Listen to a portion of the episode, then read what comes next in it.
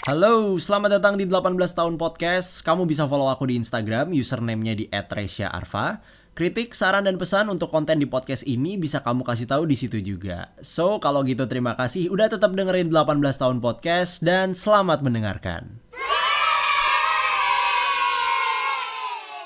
Oke, setelah setahun gue udah nggak masukin episode apa-apa di Spotify dari episode-episode sebelumnya. Balik lagi di Behind the Stage. Kali ini ada Giovanni Ramadeva dari Polka Wars. Halo. Sehat Bang Dev? Sehat sehat. Nih, gue tuh sebenarnya pengen ini dulu aja sih, pengen lebih intro ke lo as a person dulu nih gitu kan. Maksudnya selama ini kan kalau misalnya denger band-bandan, biasanya itu kan ada yang beranggapan orang yang pertama dilihat itu kan pasti vokalis gitu. Hmm. Kedua, abis itu baru gitaris. Hmm. Ketiga itu baru kalau nggak basis drummer biasanya. Basis apa drummer dulu biasanya? Basis apa drummer dulu deh. Tergantung biasanya kalau drummernya ganteng kayak Tio Nugros gitu kan. Dia mah vokalis dilangkahin. dilangkain sama dia. Udah 50 tahun masih Highlander gitu. Yoi, gitaris juga kalah sama dia gitu. Ya sih. Boleh nih intro as a person dulu diri lu. As a person di luar entitas-entitas Yes. Nggak ada yang spesial sih, cuman mungkin bisa dibilang gua nyasar lah di musik. Maksudnya gua bukan tipikal di musik dan film ya sekarang ya lebih banyak ke situ juga. Gue bukan tipikal orang yang udah tahu gue mau apa dari kecil atau kayak bukan tipikal orang yang bisa ngulik juga sampai hari ini pun gue nggak bisa gue nggak bukan nggak bisa sih. Nggak belum ada kepengennya belajar buat software segala macem gitu. Bahkan nyetem aja juga masih masih ancur-ancuran gitu jujur. Jadi selain nyasar gue tipikal orang yang yang penasaran aja dan mungkin ngelihatnya lebih ke bigger picture-nya kali ya. Jadi nggak yang terlalu into detail banget gitu loh. Walaupun bisa ngelihat detail cuman nggak pernah ngerjain apa dalam. Jadi ya kalau ngomongin gua as a person di konteksnya di apa hal-hal yang gua lakuin ya berkesenian lah kasarnya. Yaitu mediumnya kebetulan musik dulu terus film ya. Gue termasuk orang yang yang tadi itu nyasar. Bahkan kalau mau ditelah gue nyasar ke film itu juga gara-gara pergaulan musik. Dan gue juga baru tahu gue ternyata suka musik tuh gue baru nyadar beberapa hari lalu lah dari kayak misalkan dulu kalau pelajaran sen- seni itu dulu kan seni kalau kelas 3 SD atau kelas du- 4 SD kan yang ngajar juga wali kelasnya gitu kan Iya. Kebetulan wali kelasnya namanya Pak Dodot atau siapa gitu. Dia juga jago bulu tangkis, gue ikut ekskul bulu tangkis. Terus juga kalau ngajarin lagu tuh, lu tahu gak sih buku lagu zaman dulu yang Buku lebar? not balok apa gitu gitu. Enggak, yang ada do re mi-nya Oh, lebar, iya. depannya gambar-gambar wayang Iya, di Gramedia. tahu. Nah, Ha. dia ngajarin lagu kayak Angin Mamiri apa yang Lagu daerah ya. lagu daerah Hmm. gitu yang yang mungkin sebenarnya dia udah hafal cuman dia banyak bacain do re mi terus orang suruh nyanyi gue baru inget ketika dia nyuruh gua nyanyi, nyuruh sekelas nyanyi tuh gue sering ngambilnya kayak suara dua gue baru ngeh tuh gue pas sekolah tuh kayak gitu terus gue gue dulu pernah terpukau dengan teman gue kelas 2 SD atau 3 SD lagi-lagi dia cuman main uh, baseline nya kayak Nirvana yang deng deng deng deng deng deng deng deng deng deng deng deng deng deng Come As You Are gitu gue kayak wah anjir keren banget gitu loh kayak apaan nih gitu terus ada yang kenalin kaset Offspring lah Red Hot Chili Peppers segala macem gue kayak lumayan dengerin tapi belum yang jadi jadi budak budak musik rock gitu bukan karena gue nggak punya kakak kakak gue cewek dan normal-normal aja gitu yang dia beli Westlife dia beli Spice Girls segala macem ya gue juga Garden gitu. Ah, Enggak, enggak ke band sih. Apa yang ngetren aja gitu. Sampai Oke. sekarang juga gitu. Gua tipikal orang yang follow yang kakak gua beli aja. Mungkin at certain point nemunya kayak oh dia beli bling, gue juga suka bling. Gue beli bling yang baru lagi dia juga ngikut gitu loh. Enggak. Oh, oke. Titik temunya mungkin di di di era itu loh. Cuman banyak teman gue yang kayak tahu musik karena terpapar oleh kakaknya yang gaul atau temen pacar kakaknya yang gaul. Nah gue tuh sama sekali nggak. Gue cuma tahu dari guru, dari dari teman gua yang main bassline itu Bassline terus tadi. pas kelas 4 atau 5 ada temen ada kayak acara band SD ya ngeband gue ngeliat kok keren-keren banget yang pada ngeband udah bisa main drum udah bisa main itu. Eh, SD kan sebagaimana gue yang Iya. kayak ya cupu lah nggak tahu apa-apa tapi selalu terpukau aja dari dulu. Jadi ternyata gue punya memori-memori itu yang ngebekas yang kayak bikin gue penasaran sama musik tuh apa sih. Mungkin kayak gitu ya kayak seni tuh apa sih. Gue inget banget temen gue yang main bling all the small thing gue lupa kelas 5 atau 6 kayaknya perpisahan kelas 5 menuju 6 atau 6 menuju SMP sampai disorakin terus nyanyi sampai dua kali we want more. Cuman buat si all the small thing doang. Dan ya orang-orang itu eh, tiga tiga tiganya ya gue tumbuh bareng lah. Ada yang di kuliah ada yang di SMP ada yang di SMA bareng lah.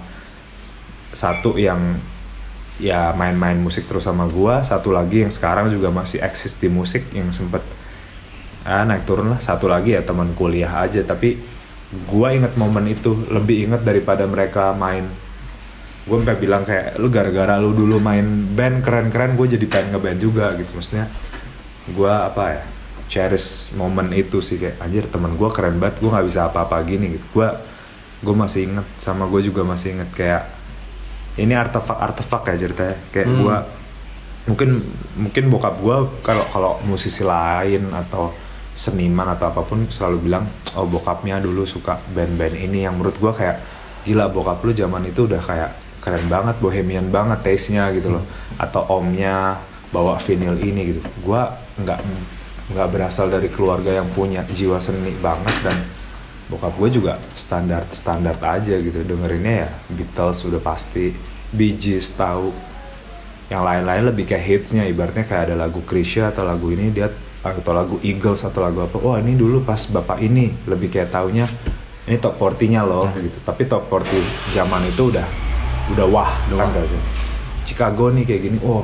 Genesis gitu. Ah, ah, nggak nggak nyampe Genesis. Justru nggak nyampe Genesis Yes tuh nggak nggak Nggak nyampe. sampai. kalau bokap bokap temen gue yang gayanya sekarang santai keren tuh pasti oh om dulu suka nih yes. Nah bokap gue tuh bukan dia nerd gitu kan tipikal yang kutu buku gitu. Jadi yang nyokap gue juga malah musik nggak terpapar sama sekali. Jadi ya bokap gue mungkin apa ya library-nya di kepala bagus tapi yang common-common aja. Karena bukan dia yang ngulik atau yang gaul. Tapi gue dapetnya kayak dia apal. Misalkan ada lagu apa siul-siulnya apal gitu gitulah cepet cepet ngikutin cepet ingat terus cepet oh ini tahun segini gitu gitunya cepet. Jadi archivingnya lumayan bagus Lumayan di bagus. kepalanya. Jadi yang gue punya mungkin itunya kali ya. Mungkin nalar nalarnya musik gitu. Karena menurut gue lo musik ya logik sih gitu. jadi gue cuman gabungin nalar yang gue punya sama excitement untuk wah ini kok seru ini keren. Karena buat gue musik teritori yang nggak ada nggak ada batasnya gitu. Makin Ya. lu tahu makin lu nggak tahu hal yang lain lagi di seberang lu dan seterusnya gitu loh. Makin lu juga pengen evolve pengen develop terus untuk- Explore gitu ya. explore untuk tetap ter- terus maju gitu loh jadi Ya. gua ngerasa sampai sekarang pun gua bukan bukan musisi so called musician yang musisi gitu karena gue cuma nyebut diri gue gue cuma suka main musik gue cuma tahu yang mau gue curhatin kayaknya bisa nih lewat musik gitu even gue nggak bisa nulis bal not balok nggak bisa kompos yang apalah di software gue Hmm. nggak bisa buka nggak buka DAW nyolok nyolok aja gue nggak tahu. teknis gitu ya. nggak tahu gue in, in out dari apa efek tuh gue nggak tahu gitu. mungkin mungkin ya kayak simbal ya gue juga nggak beli beli lagi ya. Karena gue kalau beli musik alat musik juga bukan yang beli jual beli jual gue Hmm. beneran kayak buy for life gitu. Mau murah mau mahal Sampai rusak. gue males jual lagi tipikalnya. Kayak nggak mau nggak mau ribet nggak mau ngulik. Jadi ya gue make sure gue beli yang yang harganya pas ya ya ada harga ada barang lah Hmm. bukan berarti gue ngincer yang mahal tapi yang yang mungkin yang unik yang spesifik yang gue berharap oh ini jodoh gue gitu jadi cuman gue ngandelin insting doang bukan yang kan musisi beneran kan beli ini aduh ini kurang nih ganti apa tuker-tukeran gue Harus nggak precise gitu ya. Ah, gua ini gitu. Gue nggak bisa tuh gue nerima either ya gue gabungan antara nerima nasib sama kayak anggap itu anugerah aja jadi ya kayaknya dibilang musisi juga enggak karena ya gue juga ya cuman jembatan aja kayak ya gue juga even dulu nulis lagu awalnya let's say udah masuk ke polka gitu ya. Hmm.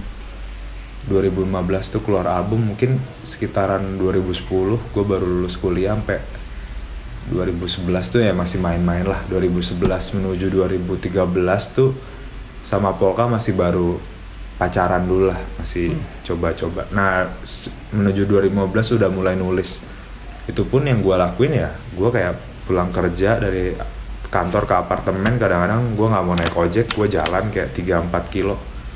Terus kayak apa ya apa ah, siul-siul doang lah kasarnya Humming. doang. Dapat lagu humming-humming doang dapat lagu gitu. Jadi kayak gue nggak tahu cara kerja cara dapat ilham atau wahyu itu juga beda-beda gitu loh. Dan Hmm. waktu itu ya dengan kenaifan kita dengan masalah-masalah umur segitu ya keluarnya kayak gitu, Kayak gitu. dan gua ketika udah bikin 2015 saya ada yang nge-praise ada yang bilang bagus lah gue juga ngerasa karena wave-nya juga lagi rame lah sama band-bandan tapi satu sisi juga gua ngerasa iya sih bagus tapi ya begitu udah lewat setahun dua tahun gua ngerasa jijik sendiri sama karya itu maksudnya dalam artian gue bisa lebih bagus dari gue yang kemarin nih Hmm. Dan gua ngerasa ini nggak ada teori musiknya sama sekali. Pas buat tuh kayak pengen keren aja dan anti anti music aja sih. Kayak pengen keren kayak pengen oh soundnya harus kayak band di luar misalkan. Hmm. jadi ini masuk ke polka kali ya. Maksudnya gua nggak pernah consider diri gua musisi tapi gua nge apa ya ngekuantifikasi juga kali ya. Sebelum bikin tuh gua harus punya meaning dulu nih mau ngapain. Dasar. ya, ya let's say let's say si album pertama polka itu ya kita nggak breakdown gitu. Kita mau bikin album nih gitu. Hmm. di antara personil yang lain sebenarnya nggak ada yang yang pal waktu itu ya dulu gitaris kita namanya Billy itu yang yang pernah sekolah musik lah Farabi lah gua nggak tahu berapa tahun tapi setidaknya tau lah kunci A minor apa. Gua sampai sekarang nggak tahu minor mayor jujur kayak ya cuman tahu E minor E mayor lah. Kadang-kadang juga bingung kan sama Aeng vokalis gitarisnya juga ya kalau main gitar cuman jarinya cuma tiga pang gitu kayak ya gue juga Power chord gitu ah, ya. power chord. Gue juga gitu. Bahkan dia bahkan lagu-lagu kita yang dulu tuh kunci cuma dua bolak-balik doang misalnya dari F ke E. F ke E kan tuh turun setengah doang Iya. atau dari C ke E C ke E gitu doang. Tapi dari situ kok kok kita bisa bikin lagu ya? Kok kok ini pure insting ya gitu loh. Cuman kita bikin lagu tuh kayak kayak nyusun apa ya ketemu ide A digabung digabung lagi ketemu B di digabung-gabung aja gitu. Tapi ada DNA-nya gitu dan yang kita lakuin untuk ngerumusin album tuh ada dua. Yang pertama kita ngelihat uh, band-band yang kayak at that time lah. Mungkin 2013 sampai 15 ada band-band sejawat kita yang muda juga yang menurut kita kayak ini keren sih tapi bisa lebih keren lagi. Kayak yang ya yang kita temuin tuh kayak si band ini keren tapi rasanya albumnya kayak dia cuma punya lima lagu yang bagus terus dipaksa ditambahin tiga. Jadi kayak EP cuman dipanjangin. Supaya jadi album. Supaya jadi album. Jadi rasanya kayak kok yang tiga kayak mirip-mirip sama yang lima ya? Itu misalnya kesalahannya. Ya. somehow kita kita nggak quantified itu. Terus ada lagi band yang kayak oh ini lagunya bagus-bagus tapi kok nggak solid ya? Nggak nggak kohesif sebagai album kok nggak nggak tematik ya? Kayak belang gitu. Nggak jadi satu kesatuan gitu. Ya udah ya ya bisa dibilang ngelihat karir mereka pada saat itu sih wah wah kan kayak wah punya album tuh cita-cita yang gede banget kan. Cuman kita juga di umur yang kayak pengen cepet tapi nggak mau buru-buru juga. Pengen mateng lah ya pengen gitu. kita nyadar kita nggak bakal matang tapi kita juga nggak mau buru-buru terus Hmm. kayak gitu aja gitu Oke. kita kita ngerasa kayak satu album pertama itu atau film pertama mungkin itu kayak kesempatan kita satu-satunya jadi Hmm. kalau ini kita gagal ya kita nggak punya kesempatan selanjutnya untuk let's say dapat investor atau punya kepercayaan diri buat nulis lagi atau punya basis masa yang lumayan buat kita money making untuk bikin karya selanjutnya gitu. Jadi kita dulu tuh udah sok sok dewasa lah, tapi sebenarnya itu based on ketakutan yang nongolnya dari yang kuantifikasi tadi. Ya. Karena intinya yang kedua dari situ kita mikir kita nggak mau jadi mediocre sih. Hmm. Bukan yang bilang mereka mediocre, cuman kita mau lebih karena referensi kita kan ibaratnya tariknya dari luar kan kita tahu fasilitas di luar kan studionya gini Beda lah gini ya. ha beda nggak mungkin tapi at, at least kita pengennya 10 lah ya jatuh-jatuh 8 oke lah cuman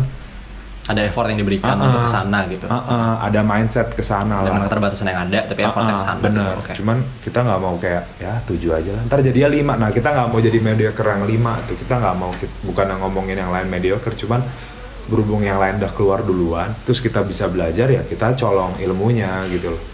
Apa nih yang kurang dari mereka? Apa yang lebih kita ambil? Jadi ya yang kita lakuin mungkin in a way strategic kali ya. Hmm. makanya plan deh Ah. direncanakan lah bukan direncanakan maksudnya tetap direnca nggak direncanakan tetap semuanya spontan tapi kita udah bikin barikadenya lah supaya nggak nggak los los amat lah Hmm. gitu ada pakem-pakemnya ada ya. pakem-pakemnya mungkin emang kita beberapa dari kita tipikal yang kayak gitu gitu maksudnya kalau lu dalam sebuah entitas kreatif kan mungkin ada tiga tuh pertama lu harus dream dulu nih dream jangan diganggu dong kayak lu ngayal aja segila-gilanya. Lu mau bikin cerita apa? Terserah. Mau bikin cerita Matrix kayak mau bikin cerita masa depan masa lalu periodik yang mahal terserah gitu.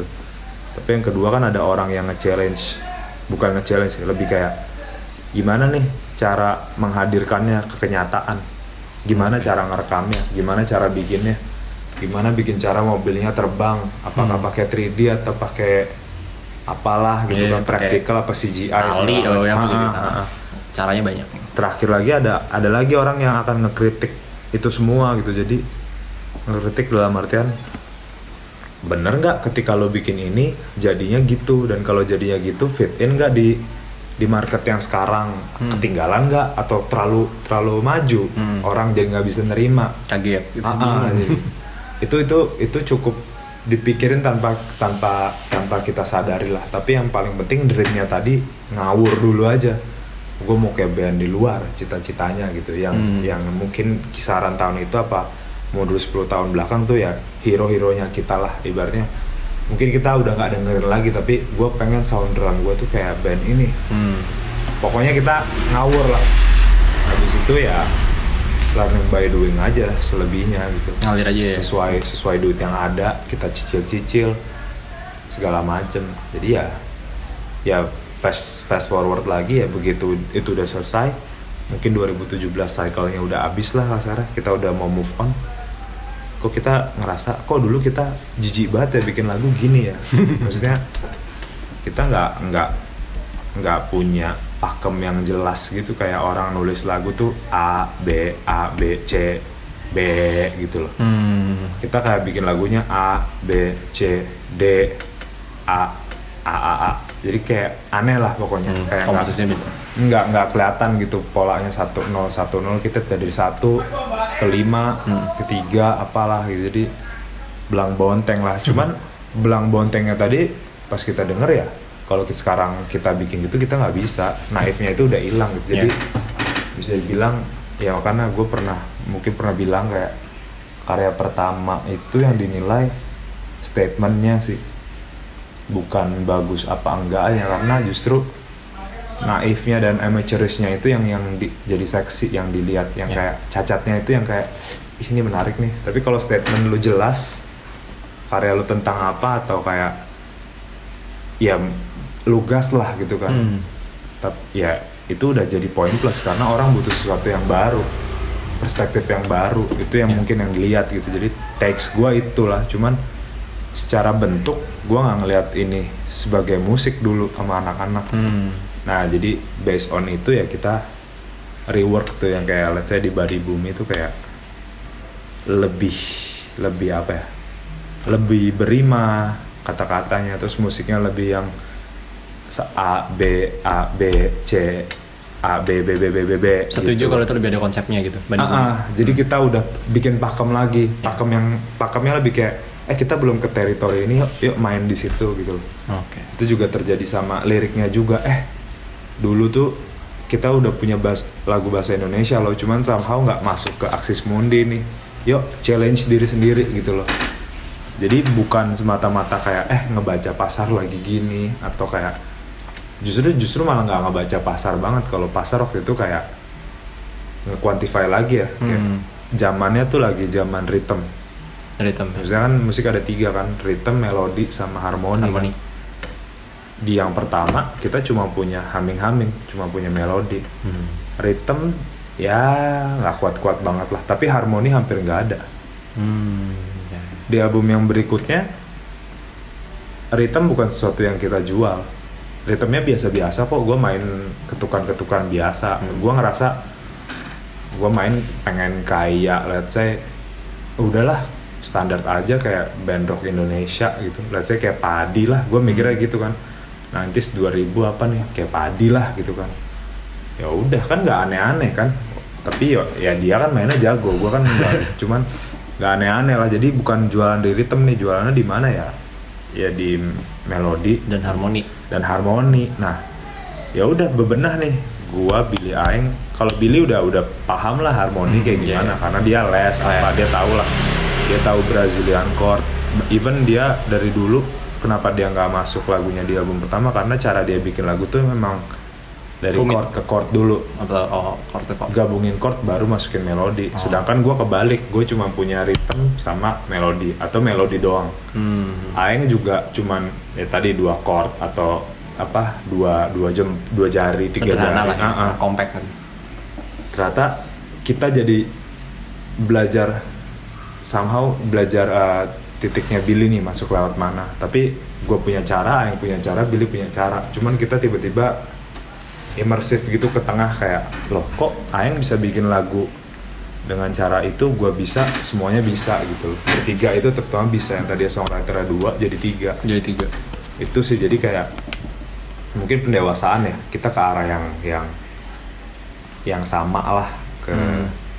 ke titik itu ke bikin lagu tuh yang lebih struktur jadi ya di era yang Bani Bumi itu uh, bisa dibilang lagu yang kalau di Axis Mundi itu kayak gue ngasih lagu, yang ngasih lagu tuh baru 30 sampai 50 persen terus kita cocok-cocokin kayak Lego gitu di Hmm. studio di studio rekaman gitu even di studio rekaman lagi rekaman. rekaman kita gituin atau di rumah atau ya sambil latihan gitu kalau yang sekarang kayak kita bawa tuh udah 70-80 persen jadi udah hampir matang lah sampai liriknya juga sekitar segitu persentasenya Tinggal finishing doang. tinggal kita bawa jamming jadi keluar oh main bassnya detailnya gini. Jadi cari-cari detail dan kalau ada perubahan aransemen ya kita kita rubah gitu. Jadi emang satu orang writer tuh beneran tanggung jawab writer di whole song itu atau at least berdua lah.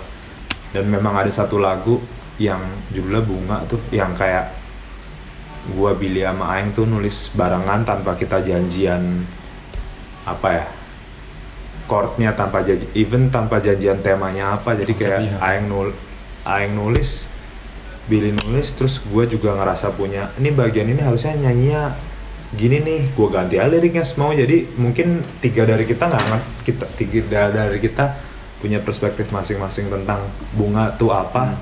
kita gabungin aja karena yang kita punya cuma tema ini temanya tentang apa gitu tapi ngomong apanya tuh ngawangnya ya saling Macam-macam. respect aja Hmm. kayak dia ngomong itu ya gua interpretasi gua tambahin gitu Disambung-sambung gitu. ah ah, Karena jadi di awal pasti denger, maksudnya kata bunga kan bisa di Iya. analogin jadi banyak hal ya. apakah dia seorang wanita Atau dia bunga beneran gitu, ah, atau atau bunga apa. beneran atau wanginya Mm. jadi kayak ya segitu berubahnya sih makanya balik lagi ke yang tadi lu tanya awalnya gimana ya memang sampai hari ini gua consider gua bukan musisi gua nggak ngerti musik itu apa cuman gua penasaran kok cara kerja musik bisa begitu ya.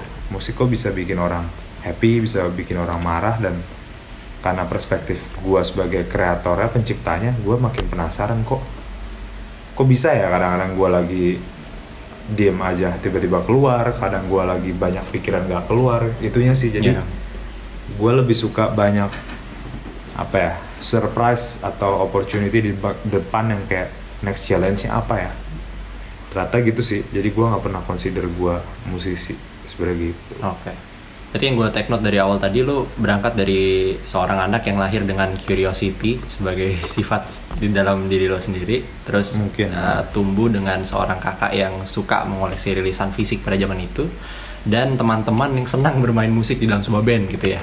iya dan itu akhirnya membawa lo untuk kayak sama keluarga yang dia biasa-biasa aja kayak gue tiap mudik tuh mudik ke Jogja dulu pas kecil kan Hmm. om gue yang setirin tuh jadi om gue kayak naik kereta dulu ke Jakarta atau waktu itu sempat kerja di Jakarta terus nyetirin ke Jogja gitu kan ya itu kan zaman dulu kan mobil gue di belakang ada kayak CD yang ditumpuk 6 apa 12 tuh oh, satu tempat gitu Satu ya tempat gitu kan, satu ya. benda ada lah. tutupnya Ah. plastik ya. tutup isinya kan CD-CD bajakan kadang-kadang yang PT bajakan tuh ya udah gue denger musik rock tuh ternyata belajarnya dari si MP3 om CD-CD gua tadi itu ya. Ah, walaupun ibaratnya let's say misalkan om gua rese gitu Hmm.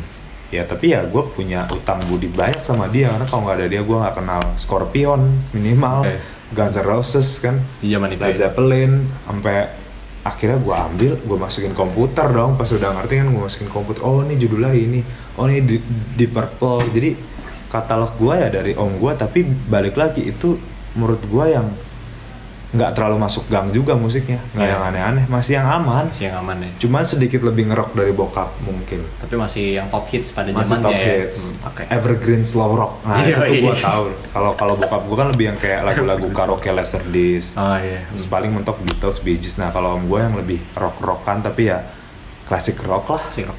Jadi ternyata Nazareth sahabat gitu, gitu masuknya enggak enggak sampai nggak sampai situ enggak sampai sahabat. berarti bener-bener udah top hits banget yang top hits yang aja udah. masuk di Indonesia pada zaman yang itu lu ya kalau ke terminal Blok M Ah. pasti bunyi-bunyinya kayak gitu deh. Jadi lu udah yang tahu. banyakannya banyak Ah, dan Yoi. gue kayak baru beneran ngulik Guns N' Roses mungkin pas SMA kali itu juga the best of misalkan jadi ya ya ya suka tapi Hmm. root sukanya ternyata pas kecil karena kan Kecil.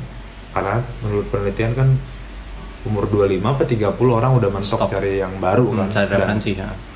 dan mungkin umur-umur 15 menuju 25 gue juga banyak yang kayak dulu gue denger Gees gue dengerin lagi diskografinya lebih kayak gitu kali balik lagi yang ngulik Ah. malah yang dulu udah pernah dengerin karena gitu. kenangan dulu pas denger tuh mungkin gue kebayang oh visualnya gini gue lagi mudik ini kayak Hmm. gitu-gitu jadi kayak itu aja sih yang yang gue cari jadi bukan musisi yang kayak gue harus skillful gitu ah, gue suka Stevie Wonder oh si gitarisnya ini terus gue harus belajar atau Ngulik kayak banget. lagunya ribet gue harus belajar oke gue cuman penikmat aja sih nonton doang ya kebetulan mungkin ada sedikit gift kok bisa bikin lagu ya Hmm. nah gue gua seneng di situ tuh ketika ketika memulai tuh oh gue ternyata bisa bikin lagu nih dari nol jadi sesuatu tuh gue suka ngerti gak sih hmm, prosesnya nol. ya. Hmm. iya kayak even lu nggak butuh instrumen instrumen lu tuh mulut lu humming. doang. Nah, dari Ah. humming tadi ya. Itu sih jadi kayak oh anjir musik segininya. Itu sih. Itu yang ngebentuk kali ya? Ah, itu yang itu yang ngebentuk. Dan kalau di zaman itu berarti kan lu hidup di era tahun-tahun 90-an ya berarti ya? Dulu masa kecil dan masa remaja lu ya gitu? Ya 2000 lah. 2000 ya? 2000 lah. 98 tuh gue 3 SD Oh, oke. Ada nggak sih uh, musical act entah dia solo singer atau entah dia band atau apa yang pada pada waktu itu lo sempet di, entah di umur berapa ya bisa di umur berapa aja yang lo bener-bener kena gitu yang kayak oh oke nih ini yang gue suka oke ini akhirnya gue menemukan ini yang jadi jadi ini gue yang jadi sukanya maksudnya suka gua. sampai sekarang atau yang bentuk gue saat itu bisa long time bisa Kan? apa waktu yang itu aja itu gue nyesel suka bisa apa aja Hmm. apa ya mungkin gue juga bingung sih. Cuman yang lumayan ngebentuk gue tuh kalau musisi kalau band gitu kali ya. Yang gue inget gue dulu suka Californication-nya Red Hot Chili Peppers tuh gue suka banget. Gue ngeliat teman gue yang bandel kelas 3 SD balik lagi tuh kalau nggak salah ya. Iya. jadi teman gue tuh gue masih inget mukanya. Dia DJ lah sekarang lumayan terkenal kakaknya udah agak tua dia uh, drop out lagi veteran gitu. Hmm. dia pegang si kaset kakaknya kalau nggak terus gue coba denger kayak wah gila banget nih sesuai gitu. Apa yang kan gambarnya kayak Rap, sama uh, sama biru. kolam renang kan Kolam kayak renang, ah, wah ini udah intrik banget. Gue kayak wah gila nih. Bukan jahat tapi kayak wah ini apaan nih? Gitu. Apaan nih? Menarik. pas didengar gue bisa follow dari awal sampai akhir yang menurut gue sebenarnya tuh musiknya juga lumayan abstrak banyak yang Iya. banyak yang beker-beker lah bahasa Jawanya kan banyak yang rusuh juga tapi Bassnya bagus lah gitarnya Ha-ha. Frusciante begitu gitu. Kayak wah tapi banyak hits hitsnya juga kan pas Iya. follow MTV tuh mungkin album itu bisa 2-3 tahun laris gitu loh Dan di zaman itu kayaknya video klip Californication juga diputar terus bener kan. karena menarik ya. Itu kan video game gitu kan. Ceritanya dia karakter video game yang main di sebuah dan dunia secara gitu. secara bentuk or ya MTV lagi hot-hotnya juga, Hot-hotnya waktu itu juga. kan tahun 2000-an awal itu ya 98 menuju 2001 kali ya. Terus gua kayak ya itu nempel aja gitu. Walaupun nah instrumen pertama gua tuh malah bass. Bahas dulu. karena dulu gue inget banget nih gue jadi inget lagi dulu kakak gue udah les piano. Hmm. gue disuruh les piano nggak mau. Kayak gue ngerasa kayak ya itu penyesalan penyesalan seumur hidup lah. Ah, nggak mau lah kayak cewek gitu. Even bokap gue yang nganterin kakak gue tuh dia ikut les piano karena daripada nganggur kan. Cuman Iya. gue nggak mau jadi gue kayak ah gue mau cari instrumen lain lah suatu saat kelak gitu loh pas SMP nah pas SMP gue punya kesempatan karena balik lagi kakak gue les kakak gue mau les apa aja gitu orang Tapi sih going lah ya untuk belajar hal baru gitu. Ya. tapi dia mainnya gitar klasik eh gitar pop apa klasik saat itu ya pokoknya eh, tempat les Yamaha itu ada dua ada yang klasik ada yang pop Oke. pokoknya dia kalau nggak salah kalau nggak salah dia les gitar klasik sama piano klasik Hmm. Cuman akhirnya gitarnya sempat yang listrik yang pop bentar lah. Gara-gara balik lagi gua sama nyokap gua nganterin dan gua nganggur kayak gua mau deh les. Gua bilang gitu. Akhirnya nih gua mau les. Kenapa? Karena pas SD gua coba gitar kakak gua yang dia udah bisa main apa? Aduh, Ingat lagu lagu itu. Teng neng neng neng neng neng neng. Apa sih yang yang e dilepas terus ada e yang di Oh, klasik ya. kayak Fur Alice-nya Iya. kayak Fur Alice-nya gitar lah gue Yes, lupa lah itu. klasik. Dia udah bisa itu gue kayak wah keren banget. Terus waktu itu kan zaman zaman I Will Survive bisa kunci batang itu kayak wah gila gitu Oh, kan ngomongnya lu kunci batang ya power chord ya. kunci batang lu ngomongnya. Terus di kayak, era gue gue di kalau gue di Balikpapan sempat kecil itu ngomongnya kunci tongkat. Tiap daerah tuh beda-beda Eh. yeah. sebutannya kunci batang, Kunci batang. terus kayak kok kok bisa tangannya kuat? Padahal kan tangan kakak gue lebih kecil gitu kan dua tahun lebih tua tapi cewek tangannya lebih kecil. Kok bisa? Cuman gue ngeliat ya dia main dia main yang dia pengen atau yang diajarin doang dia nggak pernah dia kulik kayak denger lagu dia nggak pernah di apa ya diri apa sih itu namanya Di- diserap di Textbook lah ya. direpresentasiin lagi nggak dia dia textbook, Textbook atau kayak nanya guru ini cara mainnya gimana Oke. terus kalau tiap nerima gitar ya mainnya itu terus Hmm. terus ya gue nyoba main Kiss Me-nya Sixpence gitu. Nggak Sixpence. bisa bisa padahal kuncinya kan gampang kan Iya. di bawah. Di bawah doang. Udah sampai ngapa-ngapa Gini, nggak bisa. Gini, terus gue gitu. nangis. Padahal gitarnya kecil bukan gitar yang gede gitu. oh oke.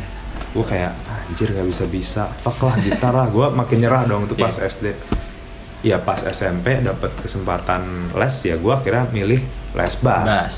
Ya karena pencetnya satu dong. Iya. logiknya kan gitu kan. Cuman gue nge-layer follow logic aja chord intinya doang bawahnya doang. Heeh. ya untung jadi seneng dan da- yang ngajarin juga happy happy aja gitu nggak kelihatan gue bermasalah. Nah gue kenapa gue minta bass? Karena syarat nyokap bokap gue beli instrumen ya kalau gue udah dinilai bisa sama gurunya. Hmm. jadi gue nggak terlalu suka dengan metodenya waktu itu. Kurang cocok lah karena textbook itu gue males. Gue Ya, lesan banget lah ya.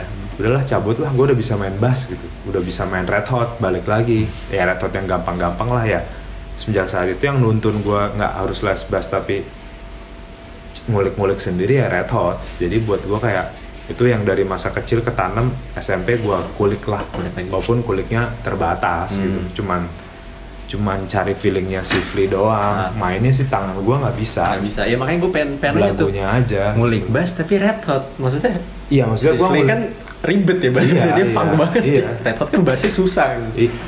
Iya cuman ya itu gue juga carinya yang mana ya? Jadi kayak zaman kaset kan di fast forward rewind cari yang paling paling gampang lah yang Antar the penting. Bridge udah keluar belum? Tuh belum ya? Udah keluar Udah ya? tapi justru udah keluar banget. Tapi pas gue SMP gue baru found out Blood Sugar Sex Magic itu segitunya. Oh, album itu. di situ gue belajar belajar uh, giveaway pasti. Terus Soul to Squeeze tuh yang album beda Hmm. lagi itu tuh gue nyari tahu banget susah tuh. Padahal pelan kan mainnya. Terus apaan ya? Ada judul lagunya Peacock atau apa gitu yang sok-sok nge-slap gitu. Hmm. terus lagu yang Higher Ground yang Stevie Wonder yang di cover juga yang Yeah. Power Ranger juga. Sok-sok lah nge-slap segala macem. Sok-sokan aja ya karena ya gue udah nggak les gue harus belajar sendiri dong gitu loh. Iya. tapi dari situ ya gue bisa ngeband tuh sama anak-anak di SMP bahkan gue kepilih buat main kayak kalau di sekolah gue kan ada kayak acara olimpiknya gitu tuh Hmm, festivalan sekolah gitu, pensi Ah, gitu. ke- bukan pensi kayak olimpik buat olahraga Oke. nah buat nyambut defile defile dari dari itu tuh dari kontingen sekolah lain tuh kita bikin musik kontemporer gamelan Oh. campur ini jadi kayak dicari all starnya kan itu bergengsi banget tiba-tiba Iya. gue somehow kepilih untuk main bass Main padahal bass. banyak basis lain yang lebih jago itu gue bingung jadi kayak orang ada ngirinya ada kayak siapa nih anak baru nih Iya. gue bukan dari SMP yang SD-nya dari situ kan kayak Iya. dari luar kan jadi kayak udah mulai diperhitungkan nih mainnya Asik. padahal nggak bener sebenarnya Hmm. mainnya tuh otodidak lah karena Otodidak. cuma les bentar 3-6 bulan cabut dibeliin bass sampai sekarang bassnya juga masih ada Oh, masih ada? masih gue titipin temen males sih jual-jual Iya. Bassnya juga short scale karena gue ngajar nggak mau yang susah-susah kan Oh, iya. gue kok jari gue kecil gue Masih ingat nggak lo merknya apa? Zaman itu? Ibanez sound. Ibanez. mirip bassnya mirip bassnya siapa Korn Korn, oh iya. Kalau dia kan senar 5 merah Hmm. nah ini kayunya mirip kayak gitulah kasar Tapi senar 4. Ah, ah, Jepang Jepang. made in Jepang jadi kayak Hmm. gue seneng lah Jepang gitu kan tuh gue pakai sampai SMA kok masih gue pakai even koralinnya Polka tuh ngeteknya pakai itu tuh Oh, pakai bass itu? ah ah, pakai bass itu Oh. masih masih masih oke lah modern gitu suaranya Emang eh, makanya mainnya Red Hot kan emang Bang Dege yang pengen ngetek pakai bass itu? enggak itu gue yang ngetekin dulu Oh, lu yang dia, ngetek dia belum masih Oh, iya kan? belum Bass. awal polka masih belum bisa main sejujurnya jadi gue juga nggak tahu oh Daga bisa main bass oh Aing bisa nyanyi gue tuh nggak tahu pas pas diajak gabung tuh gue nggak Hmm. tahu jadi kayak ya udah berbekal main bass red hot ngasal-ngasal ya mulai ngasah diri sendiri lah jadi ya ternyata lupa kan pertanyaannya tadi tapi intinya gitu sih Ah. Berarti ya udah pertanyaan gue berarti tadi Red Hot Chili Peppers kan jawabannya. Oh iya, Red Itu Hot. yang banyak berpengaruh sama lu akhirnya di perjalanan lu Iya walaupun belajar sekarang gue nggak ada musik. hubungannya sama Red Hot ya. Iya. Cuman gue kalau denger Red Hot bisa mundur flashback. Oh ini pas ini. Lu bisa merecall banyak hal dengan Red Hot ya? Cuman itu kan pas SD yang Hmm. sebenarnya jasanya kayak gue belajar instrumen tuh ngikutin dia loh. Hmm. Tapi gue sadar balik lagi gue kuantifikasi lagi kan skill gue tuh nggak nyampe. Gue nggak akan bisa jadi flimo gue latihan Hmm. Iya. berapa ratus jam juga. Dia one of kind gitu ya udah. beda Iya, emang beda. gitu Beda tangan, gue beda juga dia. kecil apalah wah Iya. ini beda orang lompat-lompat nggak bisa nih Iya lagi. musikal banget akhirnya ya gue nemuin punk saat itu Oke. punk dan ya metal dikit lah ya. Hmm. jadi teman-teman gue sukanya technical tuh kayak Incubus Hmm. era-era itulah Basteng hitungannya gitu kan. Gue malah nggak suka gue malah berantem sama satu band gue yang ya se- sebenarnya sekarang juga masih masih bikin side project bareng. Gue berantem kayak ngapain lah main yang ribet-ribet? Gitu loh ngerti gak sih? Iya. ngapain ngitung-ngitung 7 per 8 apa? Gue nggak suka Oh, iya. gitu. karena waktu itu posisi gue udah mulai gue bisa main drum juga gue juga ngelakuin les drum dulu untuk dibeliin drum juga Oh tapi drum juga, oh iya tadi ya, karena kalau mau dibeli instrumen harus les dan Iya. ya nggak bisa dulu masih apa nih abis ini Ah. drum deh gitu Oke, di beda. Yamaha itu juga tapi di di les drum itu gue lebih enjoy karena gue nemu guru yang ngebuang buku Hmm. dia rocker gitu sampai sekarang gue pengen ketemu sih ngobrol karena kayak gue kayak ketemu Jack Black gitu loh yang kayak wah lu jago banget lu jago banget lu asik mainnya lu ngerok mainnya dia dia nge Gitu ngebaptis gue lu tuh ngerok mainnya gue apaan ngerok gitu kan dia ngajarin gue mukulin samba gitu Hmm. apaan kayak dia nemu temen yang kayak lu lu tuh mainnya asik pukulan lu asik mungkin tone-nya enak kali ya zaman Hmm. itu mungkin orang kayak main-main aja jadi kayak dia ngelepas buku lah Hmm. lu mau belajar lagu apa? Gua ajarin. Bling Mas yang ini pang kan tuh. Hmm. Oh gampang, dia bisa langsung ini nyantoin. Gue kayak iya. wah. Terus di- tapi dia ngajarin lagi. Cuman lu mukulnya harus pelan-pelan latihan ini, sticking Hmm. dulu gini-gini. Terus Sticking. kayak pernah eh uh, ngejam yuk. Apaan tuh Mas ngejam? Udah, jadi di Yamaha itu ada ada studionya juga. Tiba-tiba suatu hari gua datang udah disiapin ada drum jadi double double kick Double bukan kick. double pedal lagi double kick gitu terus dia main gitar ternyata main gitarnya jago terus kayak udah ngejam aja jadi kayak apaan nih metode apaan Jadi gitu. kayak temen ya, ah, jadi jadi kayak temen. Guru. dan dia ke nyokap gue juga deket wah tante anaknya asik nih mainnya ngerok gitu gitu kayak wah gitu. Gue pernah lagi nongkrong di Citos tiba-tiba lagi ngomongin dia tiba-tiba beneran lewat sama bininya.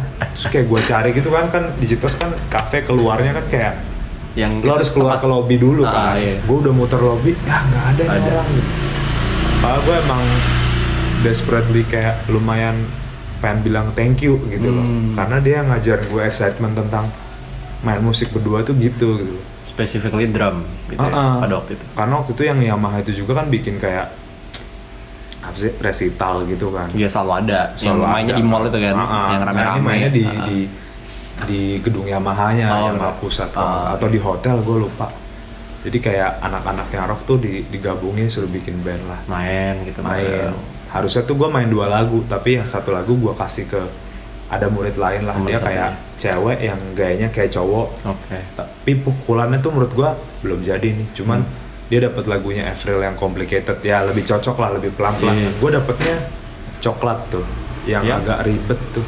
Bendera?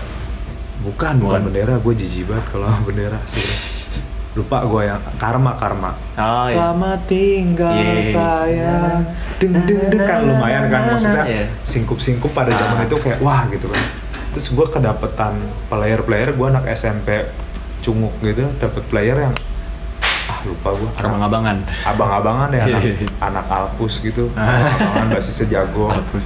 oh pacarnya kakaknya temen gua lah pokoknya Hmm. kayak oh siap mas gitu gitu Hmm.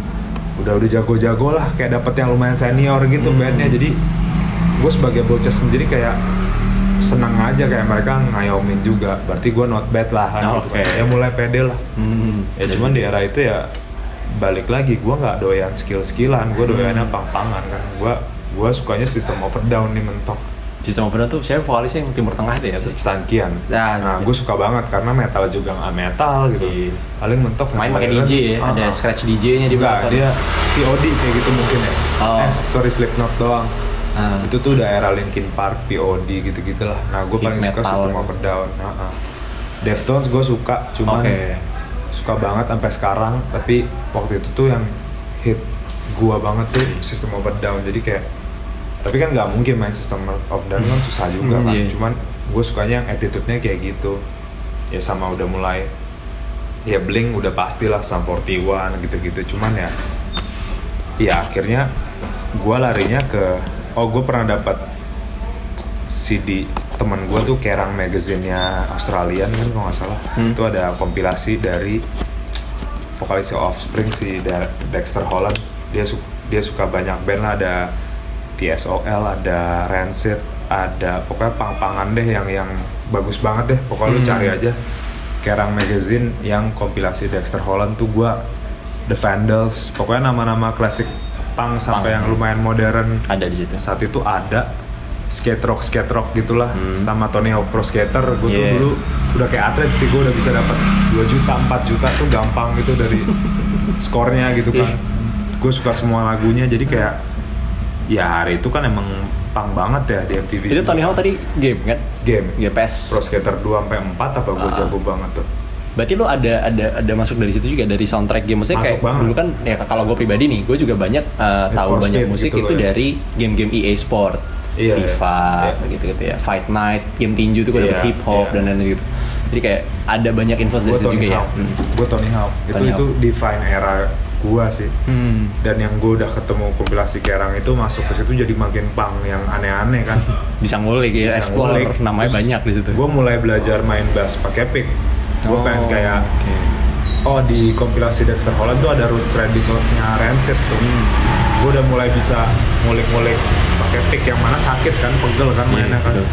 tapi kayak kalau kayak Flea mulu nggak mungkin musiknya juga udah nggak nggak ke situ nih era sekarang gitu kan ah gue mau pang-pangan ah. Tapi kalau kayak Blink doang kayaknya gampang deh. Cuman modal nyanyi modal keren ya kan jurusnya gitu-gitu. Cuman kalau gue bisa kayak Rancid semua bisa dong. Hmm. itu kan ibaratnya pang tapi ngejazz kan gitu Iya. kan gue gue ngulik itu sih terus kayak "Ya udah ah bass gini doang kasarnya gitu. Hmm. bukan bukan gampangin tapi kayak udah bisa lah gue main drum juga gitu. Oke. jadi ya di SMP gua bass drum bass drum Tapi lu lebih milih drum kan daripada bass. Maksudnya di saat lo harus memainkan. SMA gua main main bass lagi. Main bass lagi.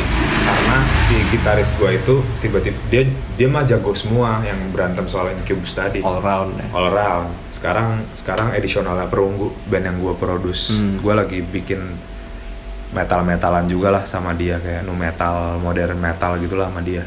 Dulu SMA dia lagi pengen nih gua drum. Lu bass ya? Ya udah kita gitu aja pak kuliah dia gitar lagi gue main drum juga Hmm. bikin band post hardcore main-main kayak kayak apa ya uh, Poison the Well gitulah Hmm. sama Deftones, Hope Soul gitu mainin kayak gitulah jauh lah dari musik yang sekarang tapi gue ngerasa era-era itu tuh lu tuh main mungkin teorinya gini kali ya lu SMP itu lu mencoba bermain musik dengan benar lu main aja dulu yang Nah. benar lu main do re mi yang benar lu bisa kunci yang benar lu lu main dulu deh yang benar Ya, scale-nya benar. scale-nya benar segala macam Begitu SMA, SMA itu lu bermain menjadi orang yang lu idolakan. Lu Mencari jati mulai diri dapet- nih. Lu iya. Gue pengen kayak Mike and Jagger nih sound Oke. gitarnya gitu. Iya. Bisa. Gue pengen kayak 311 bisa yang wow wow wow gitu-gitu kan Hmm. atau kayak gue mau kayak Tom DeLonge nih bisa sengau terus main gitarnya persis atau gue mau kayak Tom Morello gitu. Itu udah era itu gitu loh. Jadi udah bukan masalah bisa main lagu dari ujung ke ujung tapi ya tone-nya udah mulai udah mulai membentuk lu permainan lu Membentuk. kayak apa sih? Padahal saat itu kita nggak mikir tone, kita nggak Ah. tahu istilah itu, cuman Iya. kayak oh kita ke situ tuh. Nah, mulai kuliah sampai seterusnya menjadi diri sendiri. Hmm. Karena udah ngelewatin fase kan. Ya, betul. Nah, itu teori gua tuh. Kayak lu Hmm. udah ngelewatin, lu udah main yang benar, yang kayak gua main sama abang-abangan tadi gua main coklat, gua udah Hmm. main singkup-singkupnya benar, orang Hmm. tepuk tangan, gua udah lompat lagi. Achieve lah ya, itu udah oke, udah goal di situ. Terus Naik SMA, lagi.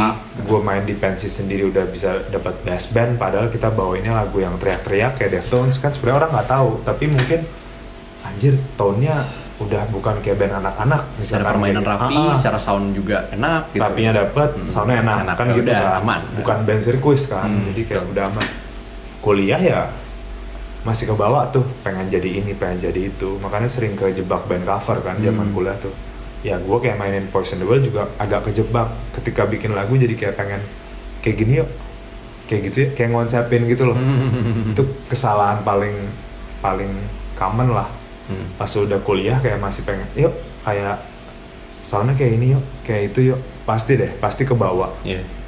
tapi ketika lo udah menanggalkan itu jadi kayak ah gue mau jadi diri gue sendiri. Nah itu yang gue dapet di Polka tuh. Oke. begitu gue diajak sama Dega eh Dev ngeband yuk. Ah lu masih ngeband Dek?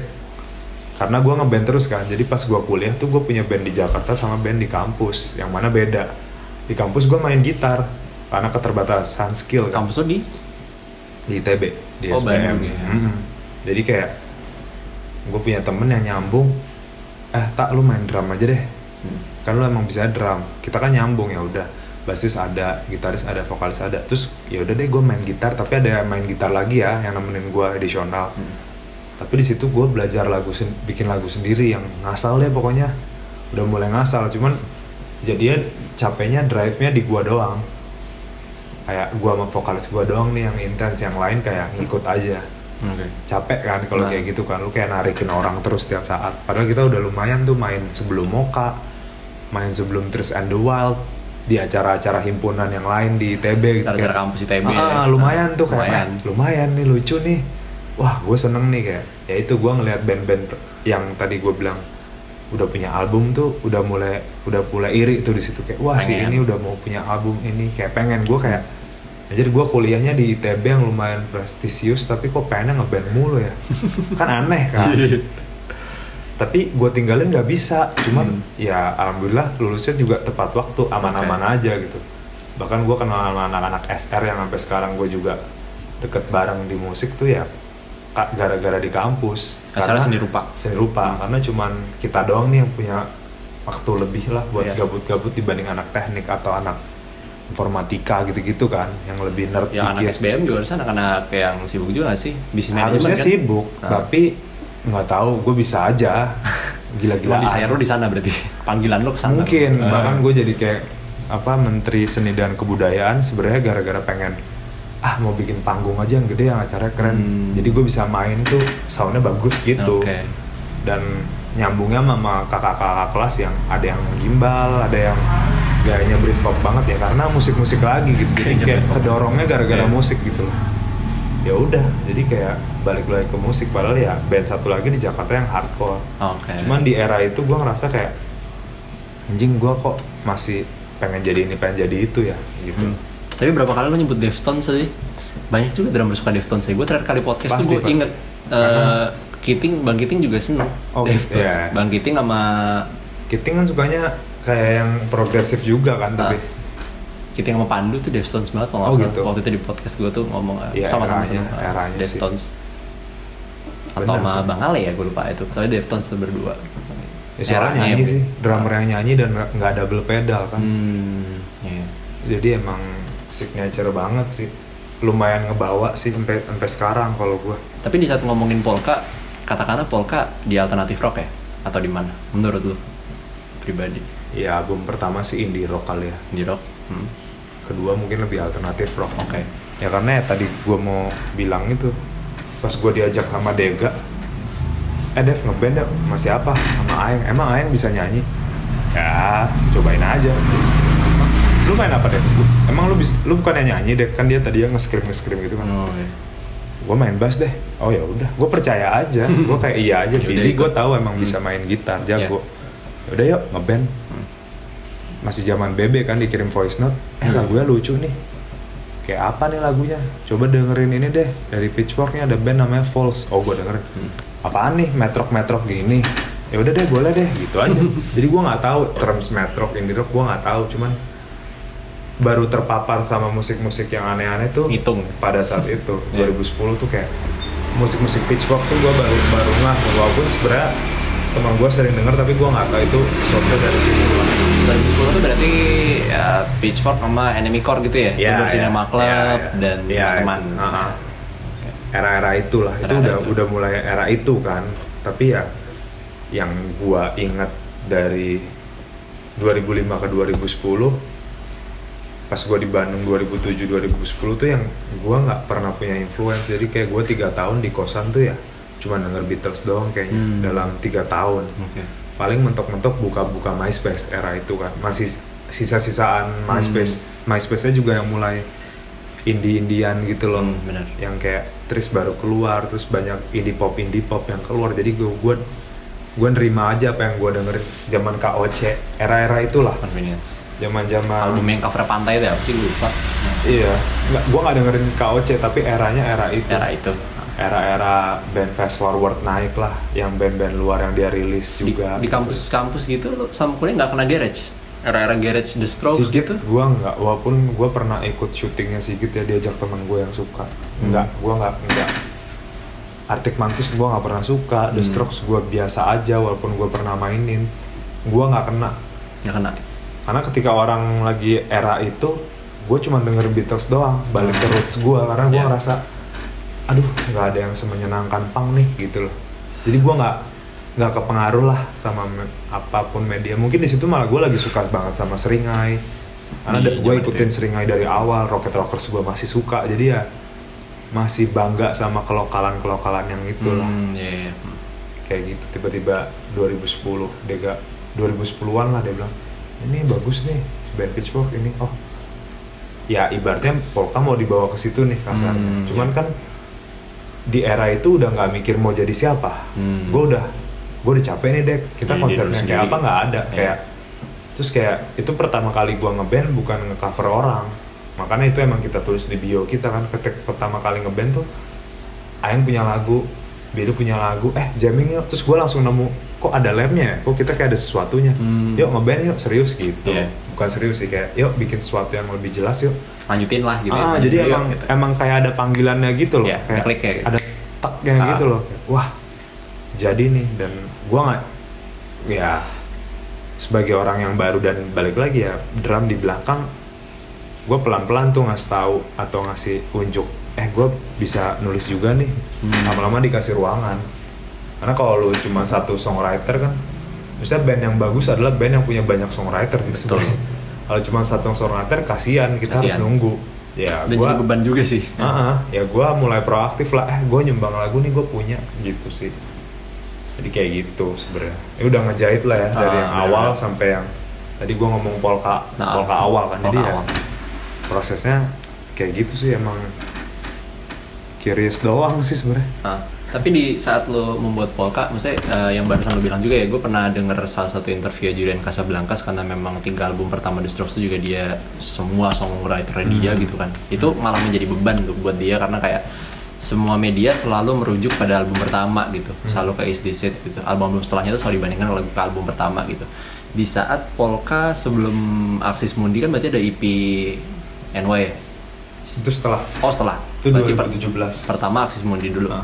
Nah dari Aksis Mundi sampai ke karya-karya berikutnya lo merasakan beban itu nggak di saat kayak karya lo akan dibandingkan dengan Aksis Mundi atau Aksis Mundi itu akan jadi sesuatu yang lebih bagus dan ada kutukan album kedua Enggak gitu sih. enggak? Nah itu itu yang yang kita perhitungkan lagi yang kita quantified ketika ketika gua mau bikin album dua nggak mungkin bikin sesuatu yang sama atau perpanjangan tangannya karena udah pasti dibandingin mah udah pasti Hmm. jadi gua ngelihat polanya waktu itu Hmm. gua ngelihat kayak gue suka Franz Ferdinand kok album kedua dibawanya da- jadi dark ya?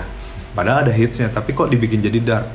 Banyak rata-rata band yang gitu kayak mirip album pertama formulanya tapi jadi dark. Kuncinya jadi lebih miring. Itu banyak banget dan jadi nggak excite hmm, excitementnya berkurangan. Berkurang. kayak ketebak tapi dia belokin. Ketebak dia belokin.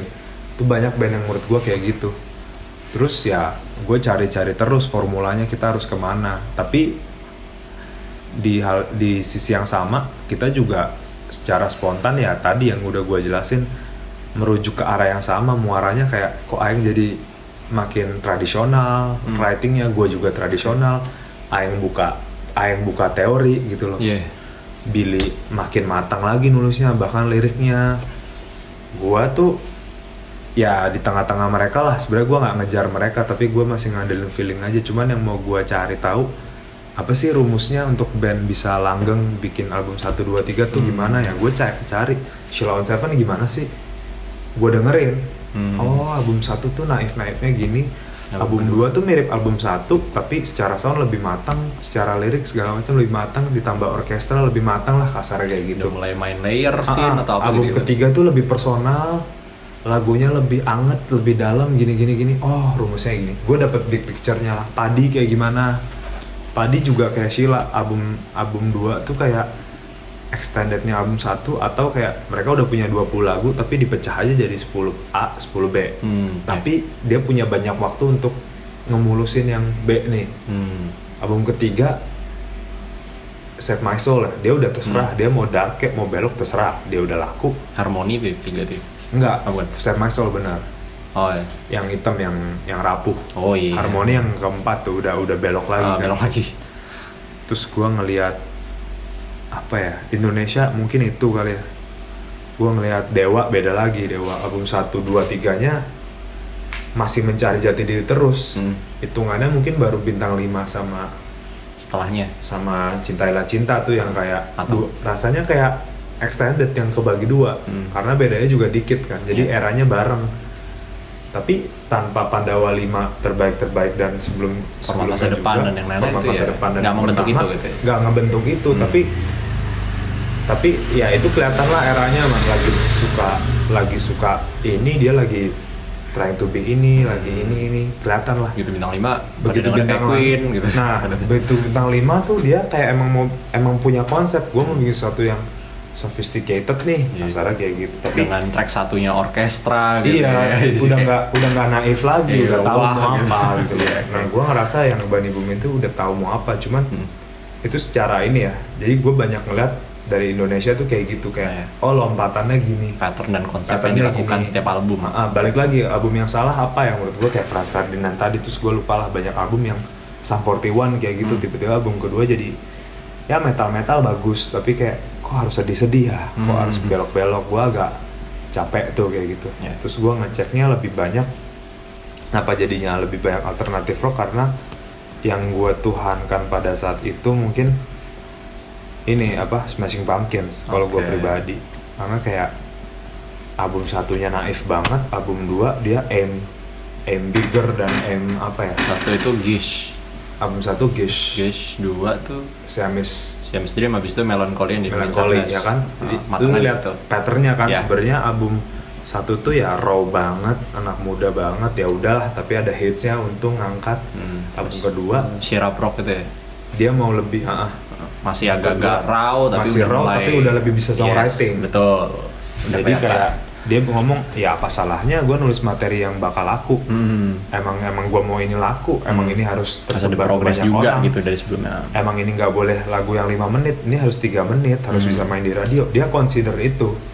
Tapi bukan berarti jelek karena memang dia udah punya lagunya terus dia obrak-abrik aja jadi formulated kasarnya kayak gitu. Hmm, permasalahan bagan lah itu ya Ah, ah, termasuk soundnya lebih matang, toh soundnya lebih matang, Iya. toh konsepnya masih sama, cuman udah lebih bertanggung jawab lah, udah Iya. lebih dewasa Hmm. gitu loh. udah lebih mature Mature, jadi oh ini sound, ini boleh banget nih kayak gini. Cuman setelah itu dia juga lompat lagi nih, maksudnya kalau album kedua kebagusan dia mau lompat ke mana?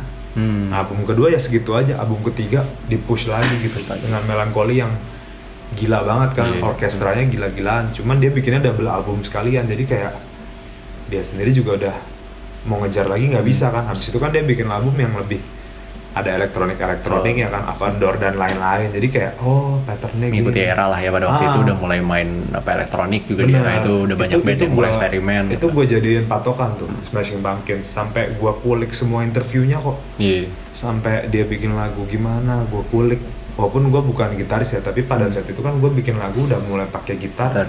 yang harmoninya banyak yang tadinya gue cuma dua kunci sekarang bisa 12 kunci dan Hmm. gue kaget kok gue bisa bikin gini ternyata ya Aing sama Billy ke arah yang sama kan Iya.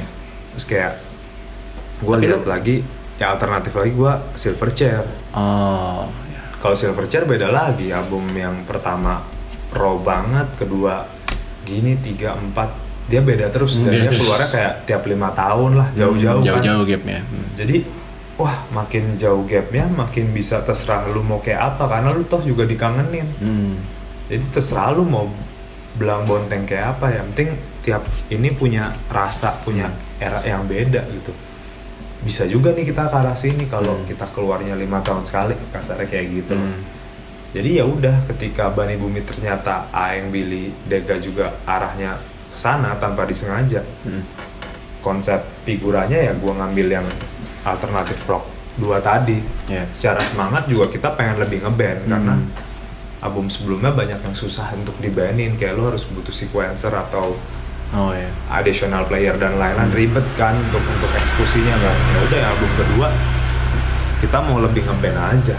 Lebih compact lebih memanfaatkan apa yang ada Ah, gitu walaupun dengan plusnya ya ujung-ujungnya gue mau ada orkestra tadi. Karena ada kayak sisi-sisi melancholy and infinite sadness di situ ada berarti ada banget secara artwork ya secara enggak sih Maksudnya konsep banget tuh kayak keli- kelihatan gitu di album iya. yang Iya, ah, grande, gitu. grande. Yes. Ya, ya melankolinya ada. Silverchair-nya ada banget. Oke. Justru kalau orang bilang ini mungkin bukan klarifikasi, orang bilang oh ini bintang 5 banget gini-gini ya mungkin karena mereka referensinya Hmm. itu. Mereka taunya orkestra, ngeband tuh bahasa Indonesia, Hmm, Dewa bahasa tinggi lima. dewa begitu. Padahal kalau gue boleh jujur sebenarnya gue lebih ke padi ketika itu maksudnya cara gue main drum pilihan-pilihan ininya Yoyo banget. Yoyo banget, sebenarnya gue mah idola mah Yoyo, bukan Yoyo. bukan Tio, Oke. walaupun sama-sama Tama, cuman Yoyo banget nih, tapi nggak dapet aja. Oh, endorsean Tama ya? Apa? Endorsean Iya, Tama. Tama. user. Oke. Ini mah Yoyo banget sejujurnya gue Ah. kayak gue dengerin tuh beneran padi, gue punya semua CD-nya, gue dengerin oh dia rekamannya gini, oh balance gitarnya gini, so tau aja kan. Penning-penningnya atau apa gitu. Pending-pendingnya, Ah. wah padi tuh megahnya gini, wah piu. Ya maksudnya secara lirik sealiran banget gue Hmm. lebih ke piu dibanding Dani lah Hmm. ya walaupun sama lah menurut gua cuma beda beda angle lah gitu kan Kalau Smashing Pumpkins ya organ gitu. nah gua nggak nggak terlalu ngulik lirik mereka sih cuman kalau kalau luar justru gua lebih mengimani yang luar ketika yang Bani Bumi itu karena nggak karena kebetulan emang liriknya Indonesia gua nggak terlalu banyak dengerin pas sudah mau rekaman kan jadi kayak Hmm. ya kayak padi tadi gua lebih denger yoyonya Oke. kayak Dewa malah gua nggak dengerin justru kenapa kita ngeluarin orkestra tuh ya dari apa eh, si Smashing Pumpkins yang album Greatest View itu yang Hmm. Across the Night itu Ya.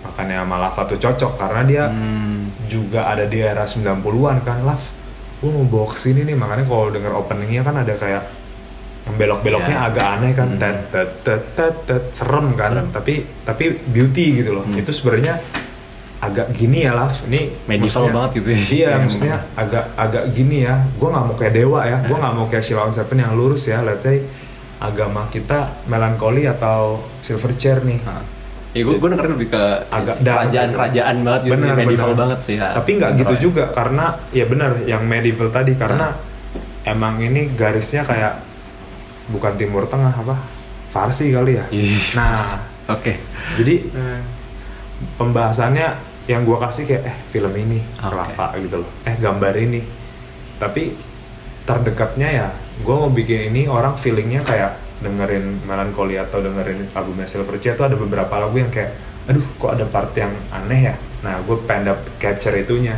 Jadi bukan pengen kayak gini pengen kayak gitu cuman ada beberapa titik yang eh belokannya diginiin belokannya digituin. Ngerti gak sih? Nah. Kayak karena pas gua bikin kita belum ngambilin influence tadi tuh. Belum kita bikin bikin aja. aja.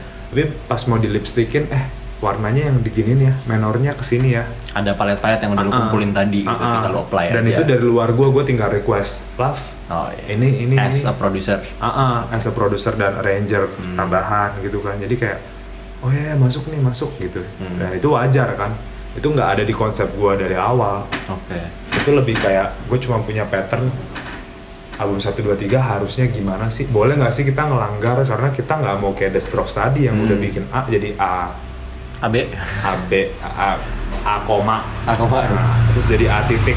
A titik.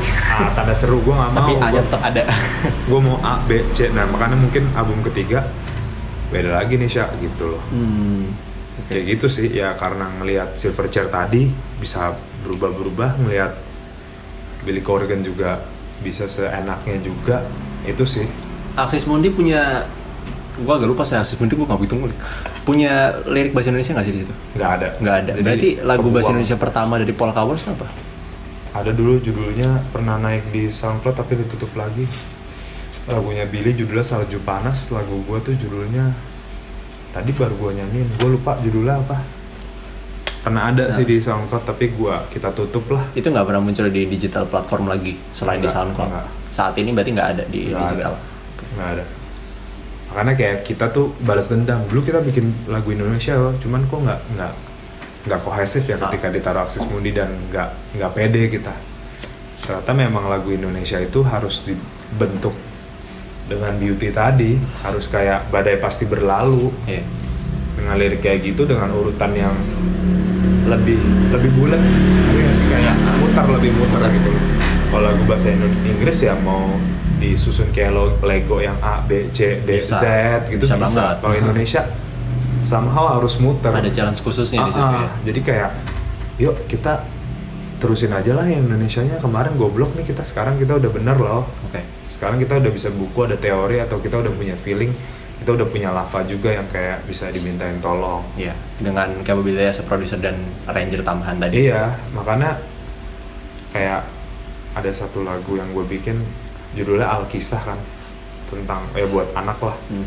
ya gue dapet lah secara Di Bumi emosi. Nih? Ah, di Bani Bumi. Di situ gue kuncinya banyak dan gue terakhirnya request love gue mau bikin endingnya tuh ya rasanya kayak gini nih. Ini kuncinya ke mana ya? Jadi bisa dibikin sebuah ilusi nada nggak ya? Ilusi nada tuh kayak Theater of mind gitu. apa ya? Lu kayak progresinya kayak seolah-olah mainnya biasa aja tapi rasanya jadi kayak naik elevate ke realm yang lain gitu loh. Hmm. kayak lu dari bumi tiba-tiba udah nyampe di langit gitu rasanya. Jadi ada progresi yang kayak dibawa ke awan gitu lah nah lah gue request dong pas part ininya. Dia cariin dan jadi. Dan yang yang gua raba-raba ternyata bener tapi versinya Lava nih diginiin diginiin. Nah ini love gitu. Jadi itu sih yang gua minta dan Oke. Jadi belajar ternyata possibility itu tuh ada. Nah itu yang yang secara sebagai kreator sebagai tanda kutip musisi di sini gua kayak oh nih kita naik level nih. Yang penting kitanya dulu yang happy. Hmm, ya. jadi begitu orang bandingin kayak ya bodo amat.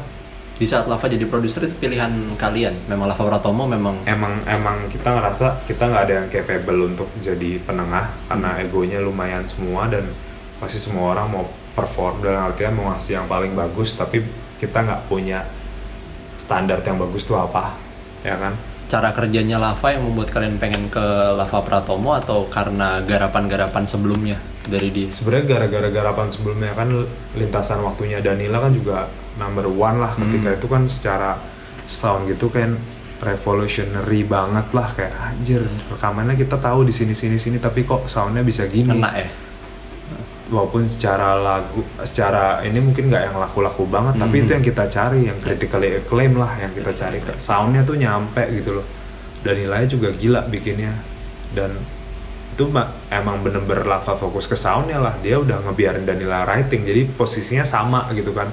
Lava ketika kita datang juga anjing anak-anak udah bisa writing gue udah kerjanya udah lebih enteng. udah 30% lebih enteng nih nggak pusing kan gitu kan Lava juga ada di periode yang itu dia juga lagi gemes karena dia juga belum bercita-cita megang sebuah band. Kan dia belum pegang band nih solo-solo aja kan ya. atau bikin lagu buat siapa lah Andin juga waktu itu pernah. Oh iya. Dia bikin lagu. Jadi kayak pas aja emang sama-sama udah saling lirik-lirik. Dia juga udah dengerin kita dari yang SoundCloud yang zaman dulu. Jadi respect itu udah kebangun lah. Dan momentumnya ya pas kita juga udah beres yang ini udah punya yang IP New York juga pembelajaran dia juga udah punya pembelajaran Danila. Jadi ya titik temunya udah diatur juga sih Situ. gitu. Tapi ya pas ngerjain juga data itu yang kita butuhin karena Hmm. kita ngerasa ada orang di dalam kita yang nggak bukan orang asing juga. Tapi netral. Tapi netral tapi bisa ngasih tahu eh jangan diambil yang itu eh ambil aja yang ini eh lanjutin yang ini dan kita juga ngerjainnya setahun persis dari puasa ke puasa. Jadi ternyata oh metode sama kita tuh emang harus sabar ya. Ternyata emang lava doang nih yang bisa handle Nggak kita bisa- di saat itu yang nggak bisa tiga enam bulan jadi album nggak Ah, bisa ah, ya? nggak bisa. Sabar. Ah, harus sabar. Harus ngikut kita yang ngikutin pace nya dia juga Oke. somehow. Jadi kayak ya udah oh ternyata gini ya cara nikmatin cara iniin. Apa yang bisa lo ceritakan dari PNY proses rekaman atau dari oh bisa ah, bisa apa aja? Ya itu bisa ke New Yorknya atau bisa mungkin experience yang lo dapat gitu? Mungkin yang paling gede banget gue pernah nulis juga sih di Rolling Stone waktu itu dapat kesempatan buat nulis. Dari yang rangkum ya? Ah, bukan Untuk- rangkumnya sih. bukan. ya EP New York ya itu karena kan tiga lagu kan emang dikerjain di sana. Hmm. itu kalau rangkum tuh malah banyak kan gua yang ngetek tuh lucunya. Ya itu Karena emang- best song Rolling Stone 2017 Iya, sama sama video klip juga kan. Video tuh. ya lumayan mengubah. Kayak kita jadi percaya ah ternyata kita bisa ya padahal nggak ada ekspektasinya gitu. Kan itu kan EP doang kan. Iya, menguatkan positioning Polka Wars yoi. dan dan emang lagu itu juga magic aja karena ya gue nggak pede pas ngasih ke anak-anak. Terus kayak pas rekaman gue nggak nggak nggak serak dengan ibaratnya yang bisa main ritme awalnya tuh gue doang Hmm. kalau dikasih Aeng walaupun lebih jago cara mainnya Billy rasanya beda Rasanya jadi beda. gua dulu nih yang tag Beda tangan beda rasa. beda tangan beda rasa padahal Yoi. gue culun gitu loh Hmm. cuman udahlah paksa tag jadi pas di sana tuh kayak kita kayak cuman bikin guide doang lah Oh, Oke. kasarnya cuman kayak drum sama gitar basic doang yang lain tuh banyak kan di Jakarta Ya. lagu yang itu Oh, Oke. terus ada satu lagu nya Billy yang Obis Elves kita udah sering mainin. Kita tag di situ tuh tagnya sama yang Sick it- itu eh kalau yang Obis Elves tuh ya tagnya itu sih bareng-bareng. Jadi kayak Nirvana zaman dulu. Jadi kayak emang apa separate gitulah. Iya. kasarnya amplinya kita mainnya silent gitulah. Ah. cuman drum doang yang berisik kan di Iya. ruangan yang lainnya ada ruangan lain. Ah. itu kayak roller coaster sih. Jadi emang lu kayak dapet dua tiga kali take ya udah terus kayak ngulang ngulangnya dari bagian misalnya ngul- salahnya di bagian ref Oh, kedua oh, ya lu ulang dari bridge-nya deh Hmm. disambung lagi jadi dapat adrenalinnya ternyata Hmm. oh pantesan dulu Nirvana albumnya meledak dan bagus karena teknik dapet dapetin rhythm sectionnya gini itu jadi belajar Hmm. gitu lebih Dari kayak gitu sih IPNY prosesnya. Ah, jadi lebih prosesnya kayak ya udah nurut aja sama orang nah gitu. Karena tadi itu kita ngeraba bikin aksis mundi ngeraba. Karena kita mau soto ya, kita mau achieve sesuatu yang gede tapi kita nggak tahu caranya. Jadi kita kayak nyusun Lego aja. Hmm. Dari mulai aransemen sampai sound-sound tuh kita ngasal aja. Tapi, Ra- tapi rangkum- di praise sama orang kita juga nggak ngerti nih gila nggak praise kayak gini misalnya. Ah, tapi itu bisa jadi critically acclaim gitu sih rangkum gitu sampai di tahap itu tuh kalian expect nggak? Enggak. Karena emang ya pas gua submit lagu juga nggak pede. Satu pas ngetik juga cuman basicnya doang kan dua. Terus yang ketiga pas diberesin juga eh tambahin deh Aryo tambahin keyboard deh. Mm. terus kayak liriknya pun gue cuma bilang kan gue pernah bikin sama Bang Ade kan di Aksis Mundi lirik gue lupa judul lagu gue. Tapi gue request tuh sampai Bang nanti pas di ujung ini verse ini kata-katanya ini ya. Yang ujung ini kata-katanya model-model gini ya beloknya yang A E U E O nya Hmm. gini. Gue request ujung-ujung bisa jadi lirik satu full kan enak kayak di request ya Iya. terus yang pas rangkum itu gue kayak cuma bilang bang gimana ya gue pengen bikin gue udah ada lagu nih lagunya bule banget tapi gitu kan Boleh banget. males banget nih gue takutnya ketahuan jadi kayak si ini kayak itu walaupun Nah. nggak nggak obvious ya maksudnya kayak misalkan lagunya misalkan gue suka Grateful Dead kan sebenarnya kan nggak obvious kan dibanding Hmm. Led Zeppelin gitu kan Iya. mirip misalkan gue ibaratnya gue nggak pede nih Hmm. ini kayak mirip apa gitu Mirip kan. siapa gue gitu. juga lupa mirip siapa tapi kayak cara strummingnya tuh mirip mirip hero gue lah Hmm, misalkan. daripada lah gitu siapa. Ah, ah, tapi nggak nggak plek-plekan nggak. Cuman ini dia banget dan orang juga nggak bakal sadar sih. Makanya gue nggak pede terus gue bilang bang Ade gimana ya? Ya udah lu tulis lirik mah tulis aja dari dari kalimat pertama itu ntar bakal ngalir. Hmm. lu dulu deh gitu kan gue bilang. Itu di kosannya dia zaman eh, di kosan pavilion dia zaman dulu. Itu saya di atas tisu napkin gitu Hmm. Ada tebel tuh. ya. tiba-tiba eh, pulpennya juga pulpen yang gitu terus ya tulis tulis tulis wah cakep nih bang mantep nih baru satu paragraf terus mulai ref setengahnya terus ya udah lalu gue lanjutin nih gitu Hmm. jadi kayak dia ngerangsang gue untuk nulis gitu jadi balik lagi kayak yang dia tulis tuh gue interpretasiin sendiri terus gue tulis lagi terus dia tulis lagi Tapi lu masa nggak lirik-lirik di lagu itu sinematik banget? Maksudnya malam musim semi gitu? ya itu sangat itu justru rangsangan dari bang Ade, Bang Ade ya? itu ha. Iya, jadi iya. ya kreditnya banyak di dia makanya kemarin gue juga beresin publishing juga tentu ada nama dia lah 50-50 kasar di, di liriknya ya karena emang tanpa dia lagu itu nggak akan jadi panjang tanpa dia gue nggak akan ke trigger untuk berani oh ternyata kita bisa ya bahasa Indonesia tapi yang dia tulis di malam musim semi raja alam rasa habis itu tiba-tiba bisa gue lanjutin atau kayak apa berakhir di salam kata rangkumkan udara Hmm. gue lupa kalau nggak salah gue yang full tuh first dua Terus dua. first dua tuh gue juga kayak oh gini cara main lu gue juga punya cara interpretasi gue dengan Hmm. cara main yang model kayak lu kebetulan nih pas dia ngelihat gue juga oh cocok nih tapi dia juga punya pemikiran A tadi Punya Beda opsi, sama ya. A, A. jadi ya oh gini kolaborasi tuh gini Katakanlah Bang Ade memberikan sampiran lu yang mengisi isinya gitu ya? Enggak juga Nggak sih juga? dia sampiran A gue sampiran B Oh. dia oke. ngisi bagian part satu gua bagian isi dua tapi ya udah ah udah jadi nih udah gitu doang terus ya kayak lupa aja maksudnya kita ngalir aja lu kayak boker boker aja Kagak ada revisi-revisi deh. nggak ada revisi revisi Langsung nggak lempeng ada, aja. udah lempeng aja dan itu cuma Oke. set set set Menarik. jadi sengalir itu Ah, bener-bener ah pengen pengen buka keran ya ke- lagi kebuka ber gitu loh. Tapi kalau lagi nggak mau ngapa-ngapain ya udah gitu Mm-mm. ternyata sefluid itu gitu loh. Maksudnya emang seni kan cair cuman kalau kagak nampung nggak bikin gelas-gelasnya siapa yang nadain kan? Tergantung wadahnya bentuknya ah, apa. ah, gitu. ini ini ada urgensinya. Eh gue mau ke New York nih gue harus bawa lagu. Ya udah dah gitu kan ini ada tisu ini ada pulpen ini bikin deh deh. ada waktunya. Nah itu ada kita punya gelasnya nih. Mm. udah berkeluar. Karena tanpa melodi yang udah keluar dia juga nggak kepikiran dong. Jadi kan saling merangsang kan. Sebenarnya gitu sih. Jadi nggak bisa dibilang nih lagu gua enggak lagu dia enggak juga. Ini emang datang dari atas dan Kolaboratif lah ya. kita juga ya kita juga nggak tahu bisa jadi kayak gini. Sampai even ke video klipnya bisa kayak gitu juga nggak tahu. Karena tanpa lagunya juga nggak akan ada konsep videonya tanpa konsep videonya nggak ada konsep narinya balik Iya. lagi tanpa nggak ada narinya dan sinematik itunya ya nggak nggak kena. mungkin lu nggak akan mungkin tiap denger lagu itu lu lihat pocong misalnya atau lu lihat lu pengen nari ya itu muter itu sih yang yang yang yang menarik oh gue jadi nemu ternyata seni segininya ya dari musik bahkan bisa nge-trigger visual visual bisa Hmm. balik ke musik lagi jadi gue kayak nah itu titik itu yang bikin gue kayak makin mantep. Oh film, Film.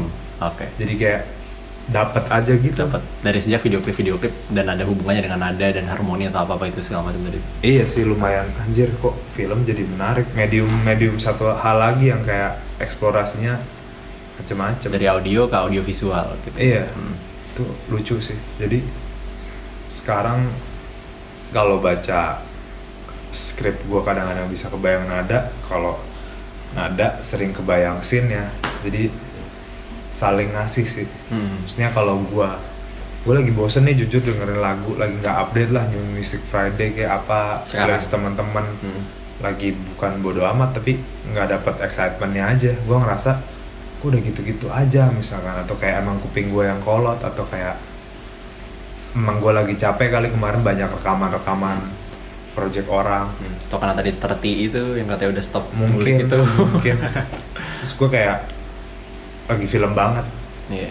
kemarin udah selesai film udah baru beres ngedit offline film gue mulai musik lagi jadi ternyata gue butuh rilis ten rilis tension rilis tensionnya Hmm. terus juga kayak kayak songwriting kan gitu kan Iya. lu tension dulu bikin verse rilis di ah. tension lagi Kan kayak mancing kan? Dinamika lah. Ah ah, lu kayak mancing lu udah dapet ikannya nggak bisa langsung lu tarik lu harus diputar dulu. Ulur dulu, tarik, ya, diikutin angkat, dulu, diikutin pas dulu. udah pas diangkat, pas Nah. ref kan kayak gitu kan. Ternyata itu sih kayak ternyata di filmmaking craftingnya tuh ada ritme ya, hmm. ternyata ada kayak gitunya. Jadi Iya. kayak loh kok ini bahasa bahasa dari mana nih? Dari atas nih kok ada ada pattern pattern itu ya itu yang menemukan yang- kemiripan ada di situ Ah, ya, itu yang gue suka aspek-aspeknya. sih. Heeh.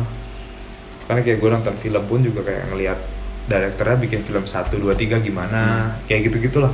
tapi dari situ belum membuat lo ingin ngulik scoring gitu mungkin Enggak, gue kayaknya nggak situ. Gue gua kan balik lagi gue nggak bisa detail teknis gitu tadi ngelakuin. Gue Ah. cuman cuman tahu gue mau flavornya gini nih.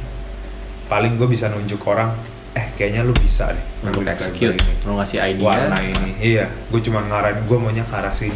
oke Ini bisa bagus dikasih warna ini soalnya orang-orang bakal suka nih, Hmm. atau orang-orang lagi suka, atau orang-orang nggak suka yang begitu. Kita bikin sesuatu yang baru yuk, yang nyeleneh Hmm. yuk, bikin aja yuk gitu. Jadi lebih kayak gitu sih. oke Lebih bukan ngebaca ya, bukan ngedrive tes juga, cuman lebih bisa punya banyak main-main lah. Hmm. Karena gue nggak bisa spend time waktu untuk ngulik banget satu hal, gue pasti lompat lagi. Hmm. Kayak lagi di film, ke musik, musik ke film, film ke yang film lain, musik ke yang band lain gitu. oke Bukan bawa kadang, gue udah mulai lompat lagi ke yang lain, jadi Hmm. lagi nggak bisa stay di satu tempat. Yang penting gue bikin, gitu Iya. sih. tapi setelah Bani Bumi kemarin berarti Polka kan sempat ini kan ya single yang apa Tian Dan Jenhan. Tian Shenhana itu kenapa judulnya ini Nah itu Visual. aing aja Dega, tawa-tawa aja. oh iya Sambung-sambungin lah, cocok logi. Eh, tapi gue suka sih itu maksudnya enak sih kalau gue Nah itu lebih grunge kan sebenarnya kan. ah. ya karena itu ya mungkin ya lebih lebih 90-annya kerasa deh Iya, gitu. lebih Eddie Vedder malah. Ih, Bahkan Pearl Jam. iya, lebih Pearl Jam. Nggak tahu kenapa ada ngeden-ngedennya kan. Hmm. Tapi di tang belakang ada bagian br- bridge, Hmm. gue malah ngasih secara teknis tuh cara rekamannya ala-ala sok-sok Dave Grohl gitu. Secara ini ya bukan secara suara mirip Dave Grohl tapi Hmm. secara rekaman dibikin kayak ada satu di tengah ada dua di kanan kiri kalau nggak salah kayak gitu. Nah, jadi kayak oh ya kayak gini nih. Jadi emang bermain-main dengan cara-cara grunge aja. Pada era itu gitu. karena emang lagunya udah oh bisa digituin nih gitu. Mhm. yang habis ini kita juga mau keluar single juga ngawur-ngawur lagi ada teriak-teriaknya. Gua teriak-teriak juga Oh ada nih single gue bikin harmoni lagi iya ntar ada ada juga sih Jadi, Kapan? nggak tahu. Perkiraan? Nggak tahu. terserah Oke. Terus terserah manajemen Mut-mutan manajemen. iya jadi kayak ngi- ya gila-gilaan aja sih Hmm. jadi nggak mau kepatok ah, kayak bawa di bumi lagi nih gue Hmm, pengen ya. orang kayak either bingung atau ngebiarin ah pokoknya mah gemblung suka-suka aja Iya, gitu. gitu. Pola kamu eksperimental. Iya. iya tapi bertanggung jawab gitu. Yoi, pasti. Karena ya ibaratnya lu dapet project lu nggak dapet duitnya ya at least lu belajar sesuatu yang baru kan Ya. misalnya lu bikin karya kan kita nggak ngarep duit dong kita, kita coba ngarep langgeng aja lah Hmm. atau ngarep apresiasi atau mungkin nggak ngarep juga kali pengen ngeluarin aja lah kalau lu sama-sama kan ngapain at least lu belajar hal yang baru misalkan kayak lu dapet project klip sesuatu lu, lu ngerjain film atau ngerjain klip deh yang Hmm. jelas nggak ada duitnya gitu ya hmm. kalau klip A lu udah belajar gimana ya cara bikin orang nari-nari klip B ya gue pengen gimana ya cara slow motion yang baik ya gue belajarnya Hmm. tekniknya itu misalkan jadi Apa ada ya? ada technicality yang lu kejar gitu Hmm. lu udah punya sound drum yang bagus di album pertama ya gimana ya cara gue punya orkestra di album kedua misalkan jadi ada satu titik dua titik yang emang Hmm. lu kejar sih kalau gue sih gitu ya Hmm. tadi lu bilang karena duitnya belum tentu ada Ah, Gitu iya, kan. benar, ah. kecuali lu nyari duit ya kalau nyari duit ya mana aja ini kan nggak jelas kan Oh, iya. kayak gimana jadi ya yang paling jelas ya lu lu cari skill set baru lah Hmm. kayak gitu Kalau tadi lu bilang nih misal sound design gitu. Di awal-awal di menit awal tadi lu sempat bilang kalau gue tuh bukan tipikal yang jual beli jual beli gitu. Gue alat tuh ya udah kalau misalnya gue beli drum ini karena gue emang merasa gue cocok dan ya udah ini ini gitu. Ada nggak sih perbedaan sound drum lu atau drum kit yang lu pakai dari Axis Mundi ke Bani Bumi apa di PNY gitu gitu? Snare Ada deh sih. paling simple snare. ada sih dan sampai hari ini gue belum puas sih Belum juga sampai belum hari ini. karena kalau kayak akses mundi itu gue kayak apa yang ada di situ sih. Ya snare gue ya snare utak atik. Yang gue nggak nggak beli beli snare yang ada aja. Hmm. sisaan SMA tuh masih gue Ya. pakai. Tapi drum di situ gue seneng karena premier tahun 80 atau apa di studio itu kebetulan. Sampai gue habis itu beli premier tahun 60 kalau nggak salah. Mau lebih tua lagi. cuman sekarang kayak tinggal bangke lah kayak belum gue benerin lagi. Hmm. dan yang di Mundi itu yang spesifik tomnya hilang. Nggak tahu dipakai manggung di mana tiba-tiba roadman-nya mana lah hilang. Hmm.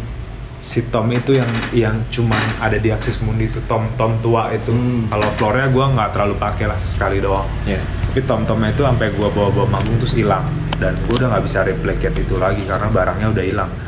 Even gue mau cari drum yang sama belum tentu soundnya sama Kalau gue denger kan tuning snare kan low ya, Bi. Iya, Arah-arah kayak Black low. Beauty gitu sih. Nah, Black Beauty. Nah, Nah, enggak sih. Dulu gue belum tahu Black Beauty. Ah, belum. Cuman tahu nama doang. nah karena gue jelas slow semua. Iya, low semua. Kalau Jadi emang indie rock banget. AM gitu kan snare kan gitu. Yang album Iya, AM. kayak gitu mungkin ya. Sampai yang Bani Bumi itu gue rekamannya di drum di studio drumnya Dimas Pradipta, Dimas Cimeng. Hmm. Kenapa gua ke sana? Karena si Danila di sana dan Dimas Cimeng kan emang drummer kan. Hmm. terus punya snare banyak ya udah gue bisa pakai snare mana aja yang menurut gue applicable buat tiap lagu Hmm. jadi di situ gue mulai punya taman bermain kayak oh lagu ini pakai snare yang low banget Ah. lagu ini yang ini lagu ini ini masih dan gue udah punya gue udah beli Ludwig waktu itu di Jepang Ludwig murah lah Wah. dari dari gue menang apa Film? acara bukan Bukan. kuis ini sama David Bayu Oh ini apa sih? berpacu dalam melodi Pasti dalam melodi. Jadi pas gua ke Jepang tiba-tiba duitnya masuk tuh udah dipotong pajak. Wah, bisa beli snare nih. Pas snare-nya murah-murah kan. Iya. Dapat Ludwig. Tapi pas gua mau rekaman lagi kendor gitu-gitulah. Jadi belum dipakai tuh. Tapi Ya. iya, iya, Japan market murah-murah ya. Mm-mm. Gitar juga gitu gue liat. Banyak yang pada ngambil-ngambil di Jepang. Ya udah terus ya pakai itulah gua belajar simbal boleh pakai sembarangan gitu-gitu kan punya punya Dimas semua gue pakai aja. Tapi gue belum puas sampai akhirnya gua ya buat keliling-keliling gue juga beli snare lagi untuk untuk manggung yang cari yang low karena yang dulu udah udah nggak kejar tuh udah ngeganggu soundman gue lah udah ringing banget Iya. bunyinya Hmm. Ya udah jadi sampai sekarang sebenarnya gue belum puas cuman kemarin gue rekaman sama perunggu akhirnya nemu studio yang lebih gue suka lagi Secara apa nih? Akustik atau? Secara akustik. Ah, akustik ruangan ya. akustik ruangannya tapi bright banget cuman bagus banget engineer gue juga jagoan banget si Ano Ano tuh yang mixing Raisa gitu-gitu Waduh. dia lagi pengen mau lah diajak eh bikin yang rock yuk mau gitu kan Hmm. Udah tes sama IP-nya perunggu juga cocok tuh sekarang bikin album jadi dia gue minta tapi lu yang engineer-nya no bawa mic mic Hmm. sendiri Hmm. oke jalan terus di situ dia bilang jadi nah itu tuh gue mulai mulai produce nih bahasannya mulai produce pas perunggu itu gue ngerasa anak-anaknya cocok karena udah usianya kayak gue lah usia udah pada punya anak udah pada kerja bahkan lebih kerja lah daripada gue lah. Kerja bener lah startup gitu gitulah jadi bahasa logiknya nyampe. Jadi ketika dia punya lagu gue obrak abriknya enak. Dan udah tahu maunya si yang lain ke mana maunya produser ke mana udah tahu gitu. Hmm. udah bisa antisipasi lah. Iya. tugas gue lebih gampang. Gue cuman bikin Excel tiap lagu tuh gue notes notes gitarnya mau kayak gini referensinya Hmm. drumnya harus yang mid low apa high. Secara sound gitu ya. secara sound. design itu gua gua tulis semua tuh. Gue punya Excelnya tuh. Nah. selama sekian bulan gue dengerin materi-materinya. Oh ini baiknya gini baiknya gitu. Terus kayak pas di day rekaman ya gue udah nggak buka Excelnya. Gue udah tahu lagu ini eh ini yang high ini yang low kayak gitu. Dan Ano requestnya kalau lu mau yang high lu harus punya Black Beauty. Akhirnya minjem Black Iya. Beauty yang lima setengah. Wah soundnya enak banget. Terus ya kita saling kanibalin snare kita juga lah. Gue bawa snare Ildo drummer punya snare dari studio ada snare. Kita punya empat Pilihan snare snare. lah. Heeh. empat pilihan snare buat 9 lagu gitu kan. Berarti kan satu lagu dua snare kasar lah ngetes. dan itu kayak puas banget. Drumnya juga pinjam konde. Ex drummer Samson kan. Dewe pakai pakai itu kayak wah puas banget lah. Karena buat gua ini quote-nya dari si Mondo sih Bang Mondo. Iya. sama Mas Riki. Hmm. Ricky Sian. Ricky Siaan Ricky Siaan kan produser juga kan? Iya. buat semua seringan dia kan. Yang membedakan album 1, 2, 3 dan seringai eh 1, 2, 3 seringai ya drumnya.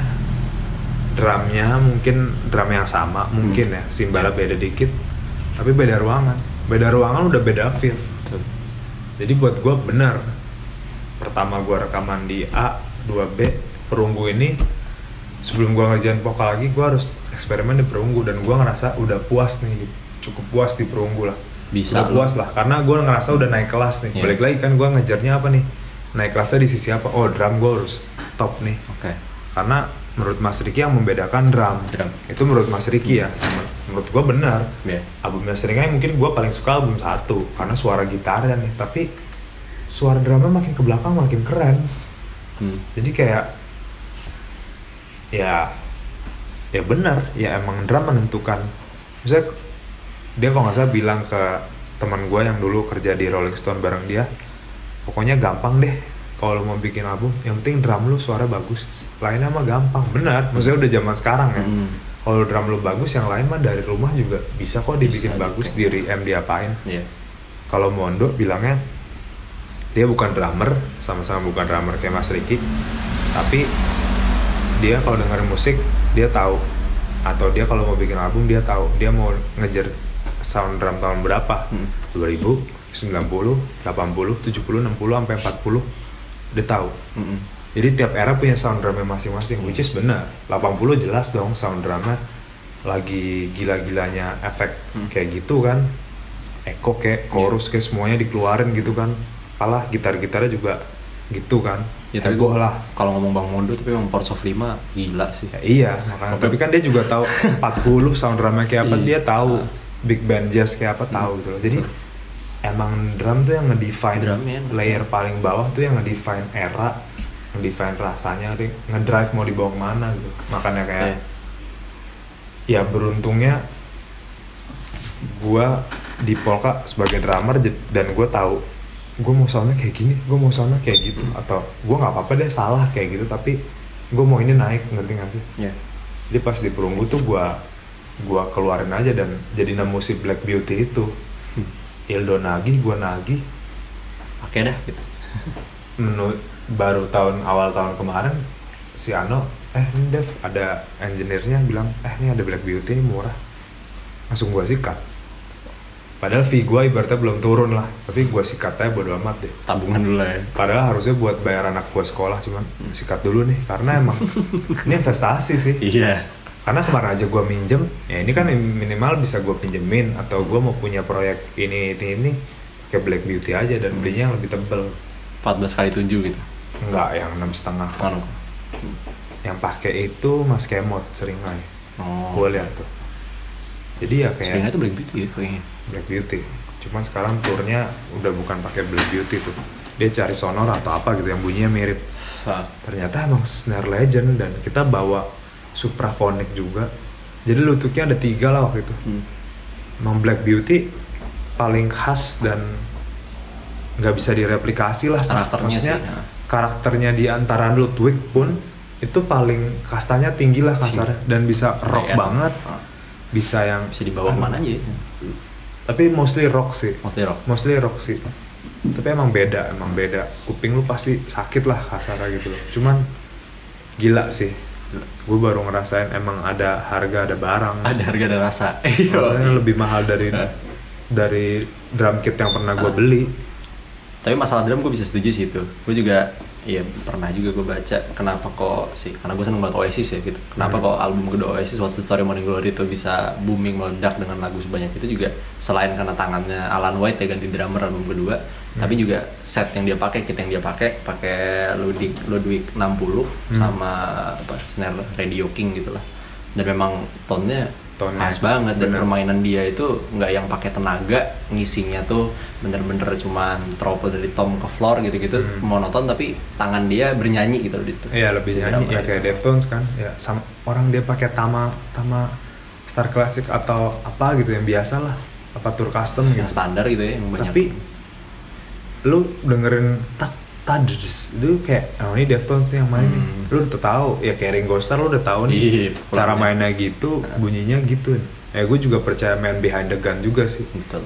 maksudnya walaupun gua mainnya biasa banget nggak bisa apa-apa tapi kayaknya gue punya karakter Iya, setiap orang sendiri punya deh lah. pasti setiap orang punya, orang punya. gitu loh cuma tinggal lu nerima apa enggak lu jangan keluar dari bayangan itu aja Hmm.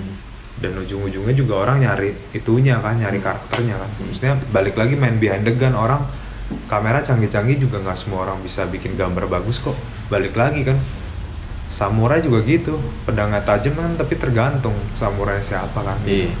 Ya, Ya, kalau itu ada quote-nya lah cuman intinya main behind the gun aja kamera bagus, angle dan shot lo lagi gitu Iya. kan. Tangannya siapa yang Iya. rekam juga.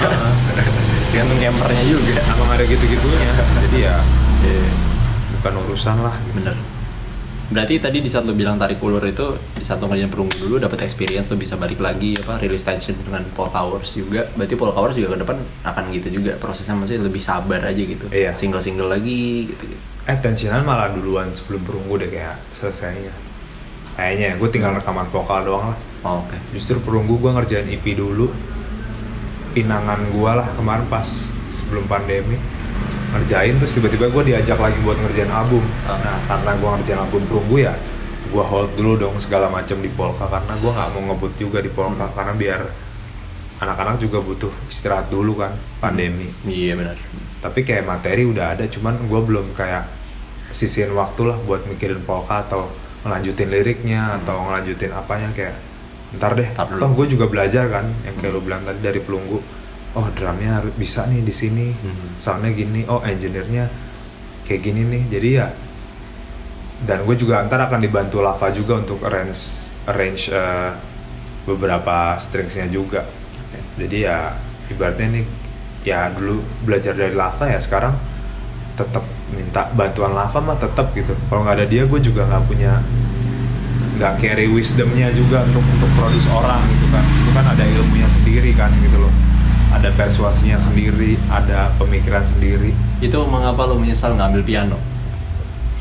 yang nggak bisa nggak ngambil piano nyesel karena jadinya karena gue cuma nggak bisa ngarang lagu lewat piano Ah, dan piano kan punya range yang lebih jauh lagi kan ya dan banyak apa banyak musisi-musisi yang berangkat dari songwriting piano juga lagu-lagunya bisa ke mana-mana gitu. Benar. Kayak, Kayak Chris kalau Martin, Dani- Coldplay gitu tiap album bisa gitu. benar kalau. Dani itu Ah. kayak Chris Martin kali ya jadi Iya. Dia tahu basic piano kunci bisa ke mana-mana Hmm. tapi dia bikin lagu dari gitar Iya, gitar akustik. Mm-mm. Akustik gitar ya sama piano. tapi basis F on G bla bla bla itu dari piano Hmm. jadi nggak ada tuh jarang yang begitu tapi Hmm. mungkin Chris Martin juga gitu Iya, dia bisa dari gitar bisa dari piano tapi ngepianoin gitar piano dan gitar. Kelihatan Kan di album kedua, Rush of. Blood to the Head tuh kan. iya Gila itu sih ya, gue nyesel lah itu doang ya ngasal-ngasal doang sih mainnya tapi ya Polka nantilah belajar dari yang lain dulu jadi gue numbalin yang lain dulu lah project sabar ya lagian Ah. juga udah dua album ya kan Iya udah udah maksudnya balik lagi sophomore kan ada kutukannya kan. Nah ini Hmm. album ketiga menurut gua kalau band 1 2 3 udah cukup ya lu udah punya legacy. iya Maksudnya nggak mau bullshit ya cuman Hmm. satu dua tiga cukup lu hilang Hmm. nanti lu 15 tahun lagi nongol tuh at least ada yang iya ada bahan jualannya lah Bahan mungkin jualannya kayak gitu. gitu ya kasarnya hitung hitungannya Atau juga gue yakin mendengar lu juga tetap masih akan nyaman gitu mendengarkan dari album pertama kedua selama kalian masih bersabar menunggu ini kan Iya, dan sekarang juga waktunya pandemi ngapain digas-gas juga kali mungkin Iya. ada santai emang disuruh calm down dulu Hmm. gitu. Justru malah malah gue bisa belajar dari yang lain yang resikonya bukan gue yang harus nongol di depan, Hmm. full di belakang kan perunggu ini kan. Tapi ntar ilmu perunggu ini gue serap buat polka. Polka. Dan ilmu perunggu ini diserap dari kemarin ngeliat Lava Produce tuh gini loh. Gue tuh bikin lagu gini loh. Hmm. Jadi tanpa itu gue juga nggak bisa handle yang ini. Jadi semuanya emang udah oke ada tatanannya udah Tatanan. udah di udah diatur lah memang di atas gitu. berarti next what to expect dari Polka selain tadi udah ngasih tahu single akan keluar tapi belum tahu kapan tuh Ya kalau ngelihat dari patternnya sih 2015 album, 19 album, tengah-tengahnya EP. EP Sekarang kalau ngomongin kalau mau constraint-nya waktu berarti 4 tahun dari sekarang 2023 harus ada album dong. Hmm.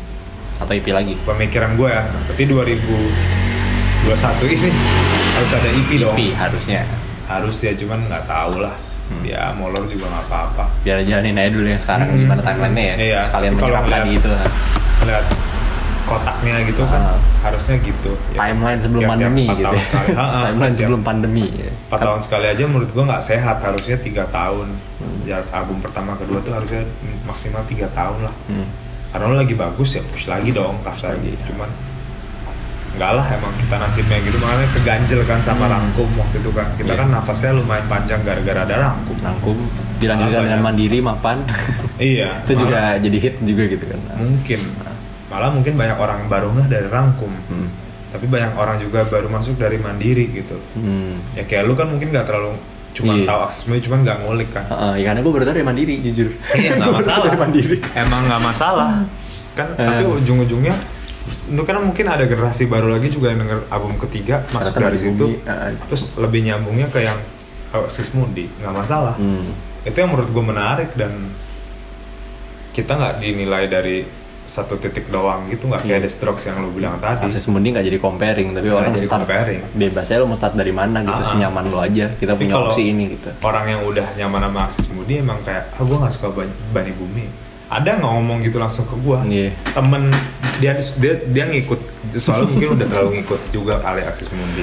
Hmm. Tahu lah, tapi emang taste-nya dia gue tahu emang nggak ke Bani Bumi. Mhm. Tapi nggak masalah dia Hmm. ngomong kayak gitu. Karena mungkin emang Bani Bumi nggak nggak gue bikin buat muasin lo. ya Emang buat muasin kita Iya sendiri full. Tapi ada orang kok yang suka. Hmm, betul. ada orang yang bisa nerima semua. Ada orang yang masih pengennya ah pokoknya yang kayak dulu aja lah. Hmm. kan kalau gue kayak dulu ngapain? Iya gitu-gitu mulu. Makanya habis ini gue belok lagi ke mana kan? Hmm. mungkin bisa jadi album satu dan dua terhianati semua. Bisa jadi beda lagi nih. Bisa jadi. bisa jadi nggak ada yang bisa tahu kan gue juga nggak bisa jamin mau ke mana Hmm. cuman gue ya ibaratnya kita udah di titik yang beranilah buat kayak gitu tuh toh fana juga kan emang, Hmm. emang mau ngapain sih Iya. industri juga nggak gede kayak silver chair di Australia bisa Begitu. jadi legend kan nggak mungkin kan gitulah jadi kayak ya udah Tapi dengan Bani Bumi yang ya katakanlah gue bilang gini deh, Bani Bumi itu lebih beautifully created menurut gue. Secara artwork juga uh, visual yang ditampilkan lebih apa ya, lebih itu tadi ya, lebih lebih medieval, lebih megah, lebih lebih fancy gitu. Itu artwork awalnya memang dikonsepin begitu karena interpret dari lagu atau memang diserahkan ke ya udah artworknya yang bikin si A gitu. Kita request ke dia dan karakternya memang seperti itu. nggak sih awalnya emang dari judul lagunya si Billy punya lagu rekam jejak. Eh Hmm. ya rekam jejak yang ada mention kata-kata Bani Bumi itu kan masih kita ngeluarin single-single dulu kan. Hmm. terus ini kayak lumayan ngeganggu gua anjing Bani Bumi Bani Bumi apaan sih? Eh jadi nama album aja lah gitu. Pada setuju. Bani Bumi. dan memang dulu pesannya bang Ade tuh album lu apaan? Udah ada judulnya belum? Bikin dulu. Oh gitu ya bang. Iyalah bikin tema dulu. Bener juga. Jadi emang Maxis Mundi tuh udah ada namanya sebelum albumnya keluar Hmm. sebelum lagunya jadi 8-10 biji itu udah ada gitu. Bani Bumi juga ketika 2-3 lagu keluar nongol nama Bani tuh Bumi kata-kata Bani Bumi. ya. jadi judul-judul lagu yang lain dan tema-tema yang lain tuh ngikutin dari satu acuan ini nih Si Bani Bani, Bumi Bumi, tadi. ya Bani Bumi artinya apa ya bisa dicari tahu dan intinya dari dari nama itu nge-trigger oh ini harus ada orang-orang banyak nih dari seluruh dunia gitu. Hmm. Ini harus tipikal-tipikal farsi-farsi gini nih harus kayak India-Indiaan gini Pertanggung jawabannya kata-kata Bani dan Mm-mm. kata-kata Bumi. karena nggak Iya. mungkin sekarang oh gini ya orang gua sama Aing udah bilang eh kita ke Iran aja pak Aing Buset. gua udah bilang gitu kan Workshop di Iran. cari cari apa mugal mugal kan istilahnya Ah, mugal Mughal, mughal. Heeh. Yuk tapi kalau ke Iran nggak bisa naik haji habis itu kan pasti nggak Iya. boleh paspor aduh gimana ya ya udah intinya kayak gitu sih jadi memang ya itu nge-trigger aja dari nama bisa nge-trigger kita mau bikin apa Karya berikutnya. karena kalau namanya nggak Bani Bumi ya mungkin nggak sekohesif itu karena lagunya lumayan beda-beda lah kasar. walaupun nggak belang banget ya tapi lumayan beda-beda lah warnanya kan Tapi makanya temanya ada- aman ya Bumi kan. iya Aman. karena bumi kan ada Iya. berbagai macam warna aman. Dan secara wak- lagu sampai kasarnya waktu itu baju gue lagi suka baju biru kok lu Hmm. merah mulu eh udah dijadiin warna aja karena memang emang warna itu Ya merah, biru, kuning, hijau ada nggak sih? iya emang emang warna Emang. bumi emang emang begitu kan itu nggak sengaja semua aja ya udah dibawa aja Terus juga kayak baju juga ya lah tinggal baju banyak kok stoknya Hmm. gitu kan Berarti menurut timeline harusnya kalau tidak tidak pandemi harusnya EP lalu album lagi harusnya gitu. pengennya sih Pengennya gitu. Pun Jalan. kalau pandemi juga mudah-mudahan malah jadi bisa konsen album ntar Oh iya, malah banyak waktu ya kan Hmm. lagi istirahat juga malah bisa bayar Lama lah pandemi. Iya, lama. pengen buru-buru bikin album sih Ah, setuju nggak lo masih bikin album kalau untuk ah, era digital sekarang, maksudnya di digital platform dengan algoritma single gitu gitu. bisnis wise sih nggak setuju Tapi ya. pertunjukan Maksudnya kalau gue punya artis atau Hmm. gue punya adik gue suruh bikin ini atau buat band-band baru gitu, band-band yang emerging nih, band-band rising, yang band-band ya kayak gue nih seumuran gue gitu. tetap perlu sih kalau ngomongin solo mungkin nggak perlu Hmm. karena yang penting nama lu diketawain orang yang penting play count segala macem lah Hmm.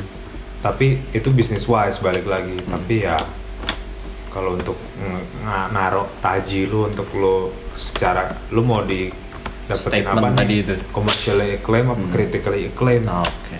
kalau memang bandnya butuhnya basisnya pondasinya critical dulu ya harus bikin album Album. karena effort itu yang paling paling paripurna kali ya paling bisa dinilai nih Hmm. penting kan untuk didengar Ya. emang bagus maksudnya ya terlepas dari laku nggak laku atau rame nggak rame Tapi ada statement yang dibuat di ada statement ada dan jelas apa yang mau disampaikan. kerasa juga tongkat estafetnya oh Ya. kayak gua bisa bikin album ya karena gua inspired by albumnya sore walaupun lah musik gua nggak kayak sore Hmm. gua bisa gini pengen berubah-berubah karena gua dengerin perubahannya Pure Saturday walaupun gua nggak sengulik itu misalkan dulu Kuliah di Bandung soalnya. iya jadi kayak ya tanpa ada mereka nggak ada gua ya. Berikutnya jalan terus gitu jadi Ya. menurut gua album penting karena yang menjadikan gua tuh album-album itu Hmm. Aksis Mundi dan Bani Bumi. maksudnya album-album sebelum kita Oh, yang tadi lo dengar, Ah, itu ya. iya. Oh, Oke. kayak di Al-Fatihah lah kan ada apa orang-orang sebelum kamu kan kaum kaum sebelum kamu Hmm. Jadi kayak kamu. iya sih kalau nggak ada kitab ini nggak ada kitab itu gitu loh ya kan Ah, benar-benar. jadi abis ini menurut gue penting sebagai gue musisi tapi kalau gue sebagai manajer atau apa ya Hmm. Nggak usah lah ah itu kan maksudnya bisa diketeng secara strategi Hmm. maksudnya ketika lu bikin effortnya 10 lagu ya mendingan album dulu effortnya Iya. satu satu momentum yang sama Cecer tiga lah, itu Nah, nanti album tinggal lu cecer tuh. aja gua aja kemarin bisa gua cecer kan Iya, tiga single habis itu compile album dan Ah, ah. masukin di album. jadi menurut gue ya bisa itu masalah manajemen aja Hmm. tapi niatnya emang harus album yuk gitu ya pamungkas ya bisa bikin album tiga Iya, banyak sendirian ya. ya kenapa Album mulu. iya Iya. makanya bisa kok Short nih. sih sebenarnya Sebelum udah mau dua jam nih kan, kita Hmm. beresin aja nih. short question aja dijawab, dijawab cepat aja ya.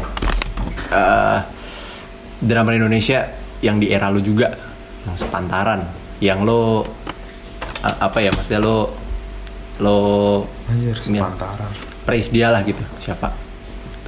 Yang menurut lo Tahu kok bukan nih, gitu. drummer juga sih. lebasis ya? iya, gue main apa aja. Main apa aja lo ya? Mungkin songwriter kali ya. Songwriter. Atau Boleh deh songwriter. oh, gue suka Mas Widi sih Malik karena Hmm. itu perfect blend sih. Maksudnya dia tahu bisnis, dia leader kasarnya gitu kan. Hmm. Terus dia songwritingnya bagus banget, Hmm. nyanyinya juga bagus banget, Hmm. visinya juga di band bagus gitu loh. Maksudnya terus dia bisa mixing. Oh iya, teknis juga dia, Dia bisa- megang ya. ya ujung ya bisa mixing lah Hmm. terus dia juga nggak nggak malu maksudnya nggak dia ngebuka kayak waktu itu si single yang senjata teduh pelita Teduh tuh Pelita. bilang eh iya nih Malik yang kayak gini kangen nih atau kayak iya dong Malik yang apa disco disco 70s lagi terus dia Hmm. malah buka ya ini drumnya dari lagu ini yang ini snare dari yang ini hi-hatnya ini lah dia malah ngebuka Hmm. terus dia juga suka si apa Philip Zedar juga Phoenix kan kayak Hmm. maksudnya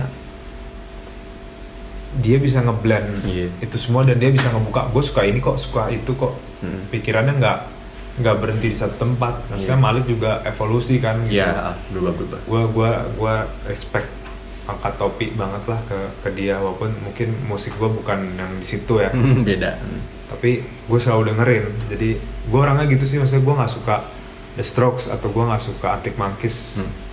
nggak ngikutin lah maksudnya. Hmm. tapi gue dengerin album ke album jadi gue ngelihat oh warnanya berubah oh Hmm. pas gayanya dia gini berubah Ya. pas era bandel gini pas ketemu si Josh jadi gini gue Hmm. gua Ketemu Rubin jadi gini. ah, gue merhatiin Beda. itunya aja sih jadi gue percaya Secara orang ketemu orang bisa bisa beda karena gue lebih doyan produksi kali ya ketimbang Karena outputnya udah jadi apa gitu ya, Mm-mm. lebih di proses produksinya. Iya, gue lebih suka produksi. Ternyata gue baru found out juga. Belakangan ini.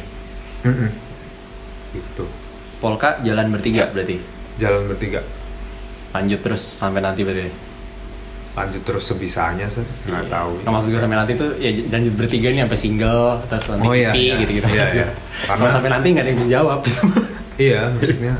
ya, tadi juga omongannya kayak naif kan gue pernah cerita. kan. Iya. Satu keluar kayak kita udah nih. Mm. Ternyata dievaluasi kita sampai ketemu tiga kali pas Billy mau cabut tuh. Mm. Tapi akhirnya kayak eh ini kita lanjutin sih kayaknya lucu gitu. Mm.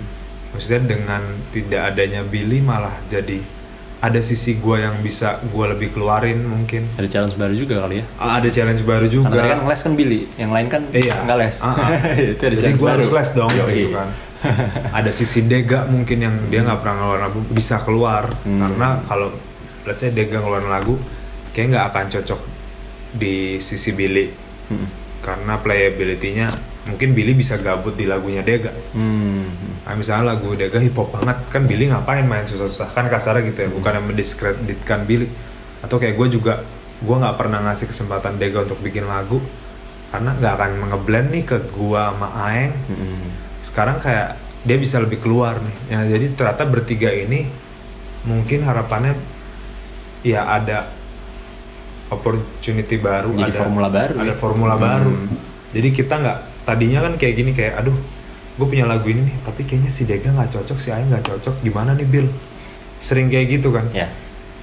ah nggak jadi deh Billy juga gitu kalau ngeluarin lagu kayak nggak nggak polka nih buat solo gua aja nah banyak kayak gitunya juga tuh kita punya banyak stok yang kita juga nah sekarang tuh malah jadinya karena gue bodo amat gue makin bodo amat lah kasarnya karena kan Hmm. udah ketiga bebannya udah lain dong Iya. Aing mah ikut. Aing mah antara ngikut aja atau kayak lagi pengen apa banget. Nah Dega nih punya ruangan banyak sebenarnya. Jadi mungkin bocorannya itu kali ya. Jadi banyak drive dari dia juga walaupun Hmm. dia belum jadi songwriter bener-bener. Iya. cuman banyak influence yang akan dia masukin. Yang mana mungkin kalau ada Billy Billy nggak akan pernah bisa match. Mungkin kalau ada Billy gua sama Billy jadi kubu sendiri yang kayak ah Hmm. jangan malah gua Dega deh jadi kayak gitu Iya. bukan berarti Billy gimana gimana tapi gua juga gue juga gimana cuman sekarang gue jadi kayak ya udah deh Dega keluar jadi lebih Hmm. kayak gitu Iya. kalau Aeng akan dukung-dukung aja kalau gue lebih lebih kritik lah terhadap Dega ngeluarin apa gitu-gitu Kemarin juga Karena- habis Moon Gang juga ya Aing ya. Iya, Habis. karena emang ya Billy punya output lain, Aing punya output lain, Dega nggak punya. Di sini baru mau keluarin jadi kayak mungkin lebih akan banyak dari dari Dega dan antara gua sama Aing ngeblendnya kayak gimana kita belum tahu. Hmm. Tapi gua udah tahu nih Dega akan ngeblend ke gua dan ke Aing gimana, gua udah mulai tahu preferensi dia dan cara dia bikin lagu, approach-nya beda lagi nih. Ya balik lagi kalau ada Billy mungkin rasanya kayak kita bingung mau ke mana kayak mau melangkah jadi ini secara ini ya maksudnya ada berkahnya dikit Hmm. Billy udah cabut jadi nggak ada beban untuk Dega Dega jadi lebih berani gitu Hmm. mungkin kalau gue yang cabut atau Aing yang cabut Dega juga tetap gitu karena ya equationnya beda gitu loh Hmm. tadi ya berempat tiga tuh udah songwriter semua Dega kan kayak ah gue yang ngasih referensi aja lah Hmm. misalkan ah gue yang Pelengkap gitu. pelengkap gue yang cari ini yang seru aja lah line bass yang seru sekarang dia lebih keluar karena mau nggak mau kan udah ada yang bolong satu nih gue Iya. harus iniin Billy nih sama Ya. jadi keluar Cover tempat lah ya. Mm-mm, ya, Ikutan jadi cover songwriter lah. kenapa tidak gitu ada ruang Ah, gitu kan ah, ah, sekarang. ah, ah. Gitu sih walaupun ya tapi jadinya bentuk lagunya lebih sederhana mungkin Hmm. lebih modern mungkin Iya. misalkan lagunya Dega lebih lebih hip hop mungkin misalkan ya udah jadi ada hal-hal baru Variasi lah ya. juga baru Warna baru. Variasi. bisa jadi lebih cemen bisa jadi Hmm. tapi ruangnya baru itu sih nggak Buat- harus cemen buat harus- kalian tapi Iya buat nggak pendengar kan nggak tahu. siapa Bisa tahu jadi fresh kan buat Iya, orang siapa tahu kan. lebih Oh, cocok kan. malah, wah iya. ini nih yang gue cari albumnya gitu Iya. bisa jadi Makanya, kayak gitu kemungkinan cita-citanya untuk albumnya lompat malah lompatnya maksudnya lompat nyebrang lagi ya bukan lompat lebih tinggi belum tentu lebih tinggi bisa jadi lebih laid back bisa jadi Hmm. malah makin kebuka lagi dengan Iya. sekarang yang bertiga gitu sih. Hmm. gua ngelihatnya gitu. Jadi Iya. gua ngelihatnya secara positif aja lah. Opportunities lah ya. Ah, ah, Baru, awalnya semuanya baru awalnya fresh kayak lah. aduh hancur nih jadi weak nih kita kan. Ternyata nggak juga kok. Dega tiba-tiba ngeluarin sesuatu yang menurut gua jadi dia lebih berani kemukakan gitu. Ya karena guanya jadi lagi slow Aing lagi slow dianya lebih drive gitu. Kan ada kan mau lo bisnis partner kayak mau lo band pasti ada naik turunnya kan. Nah, Iya. kita mungkin gua sama Aing lagi ah slow nih aduh nggak ada Billy lagi lagi lagi denial serang tentang itu Hmm. misalnya Dega kayak wah nih ada Mbak Anteri oh ternyata seru ya materi Dega gitu kan ya jadi ternyata ganti-gantian lah energinya tapi itu udah bocoran sih udah informasi tuh karena banyak banget maksudnya kayak gue juga dapet maksudnya pertanyaan apa maksudnya teman-teman gue atau siapa gitu kayak ah nggak lanjut nih kayak Polka Wars nih nggak lanjut nih bikin Iya. cabut nggak lanjut nih gitu maksudnya banyak lah yang maksudnya yang Iya, apa iya. ya spekulasi atau bener, bener. tebak-tebakan hal gitu gak masalah juga sih karena kita juga awalnya nggak nggak pede toh yang sama kayak yang kemarin masih mainin di TVRI di mana juga bawa edisional iya bahkan gue berpikir masih masih ini ya masih masih hipotesa ya mungkin Ah. album ketiga gue bakal lebih banyak nyanyi terus gue ah gue males main drum hmm. gue berpikir gitu gue mau main apa kayak scene kayak gitar akustik kayak possibilities lain gitu Ah, bahkan di mungkin kayak instrumen yang lo pegang mungkin gitu. kayak nggak ada drum mungkin mungkin drum machine Hmm. mungkin kayak gitu loh jadi mungkin kayak Kraftwerk polka ngerti jadi bisa ke mana-mana banget. Nah itu yang gue bilang ketika nggak ada satu orang mungkin malah kita ke teritori yang lain iya. Bukan berarti lebih bagus tapi fresh aja. Fresh aja. kita juga mungkin nggak nyangka kita Polka juga bisa kayak gini kok gitu. Hmm. Bener. dan bukan membuktiin emang kita pincang tapi ya kita jadi segitiga sekarang gitu loh. Nggak mau maksa harus jadi kotak terus gitu loh. Sebenarnya gitu sih. Ya. different gear still speeding ya Ganti Tapi gigi kayak masih analoginya bener. lumayan juga tuh. Kita nggak mau kotak lagi mau segitiga bener juga sih. Jadi Illuminati. Jadi lu berarti ya bisa bisa. Saya jokes bapak-bapak ya ya udah kalau gitu itu udah cukup menjawab sih kayak tadi. Gua close saya kali ya. Thank you. Bocoran ya. Jadi Ah, kalau orang denger sampai ujung dapat bocoran. Eh, besok nih gua highlight nih di depan nih. Gua gua jadi buktikan aja nih. Jadi ini ya. Iya bener. Clickbait ya? Clickbait aja di depan nih. Lu kalau mau denger bocoran ya kan denger sampai belakang. One two take four close the door ya? Kalau udah tuh tuh for pas dendar ya. Thank you bang Dev. Udah ngobrol-ngobrol. Kalau gitu ya. ini behind the stage sama Giovanni Ramadeva. Bye bye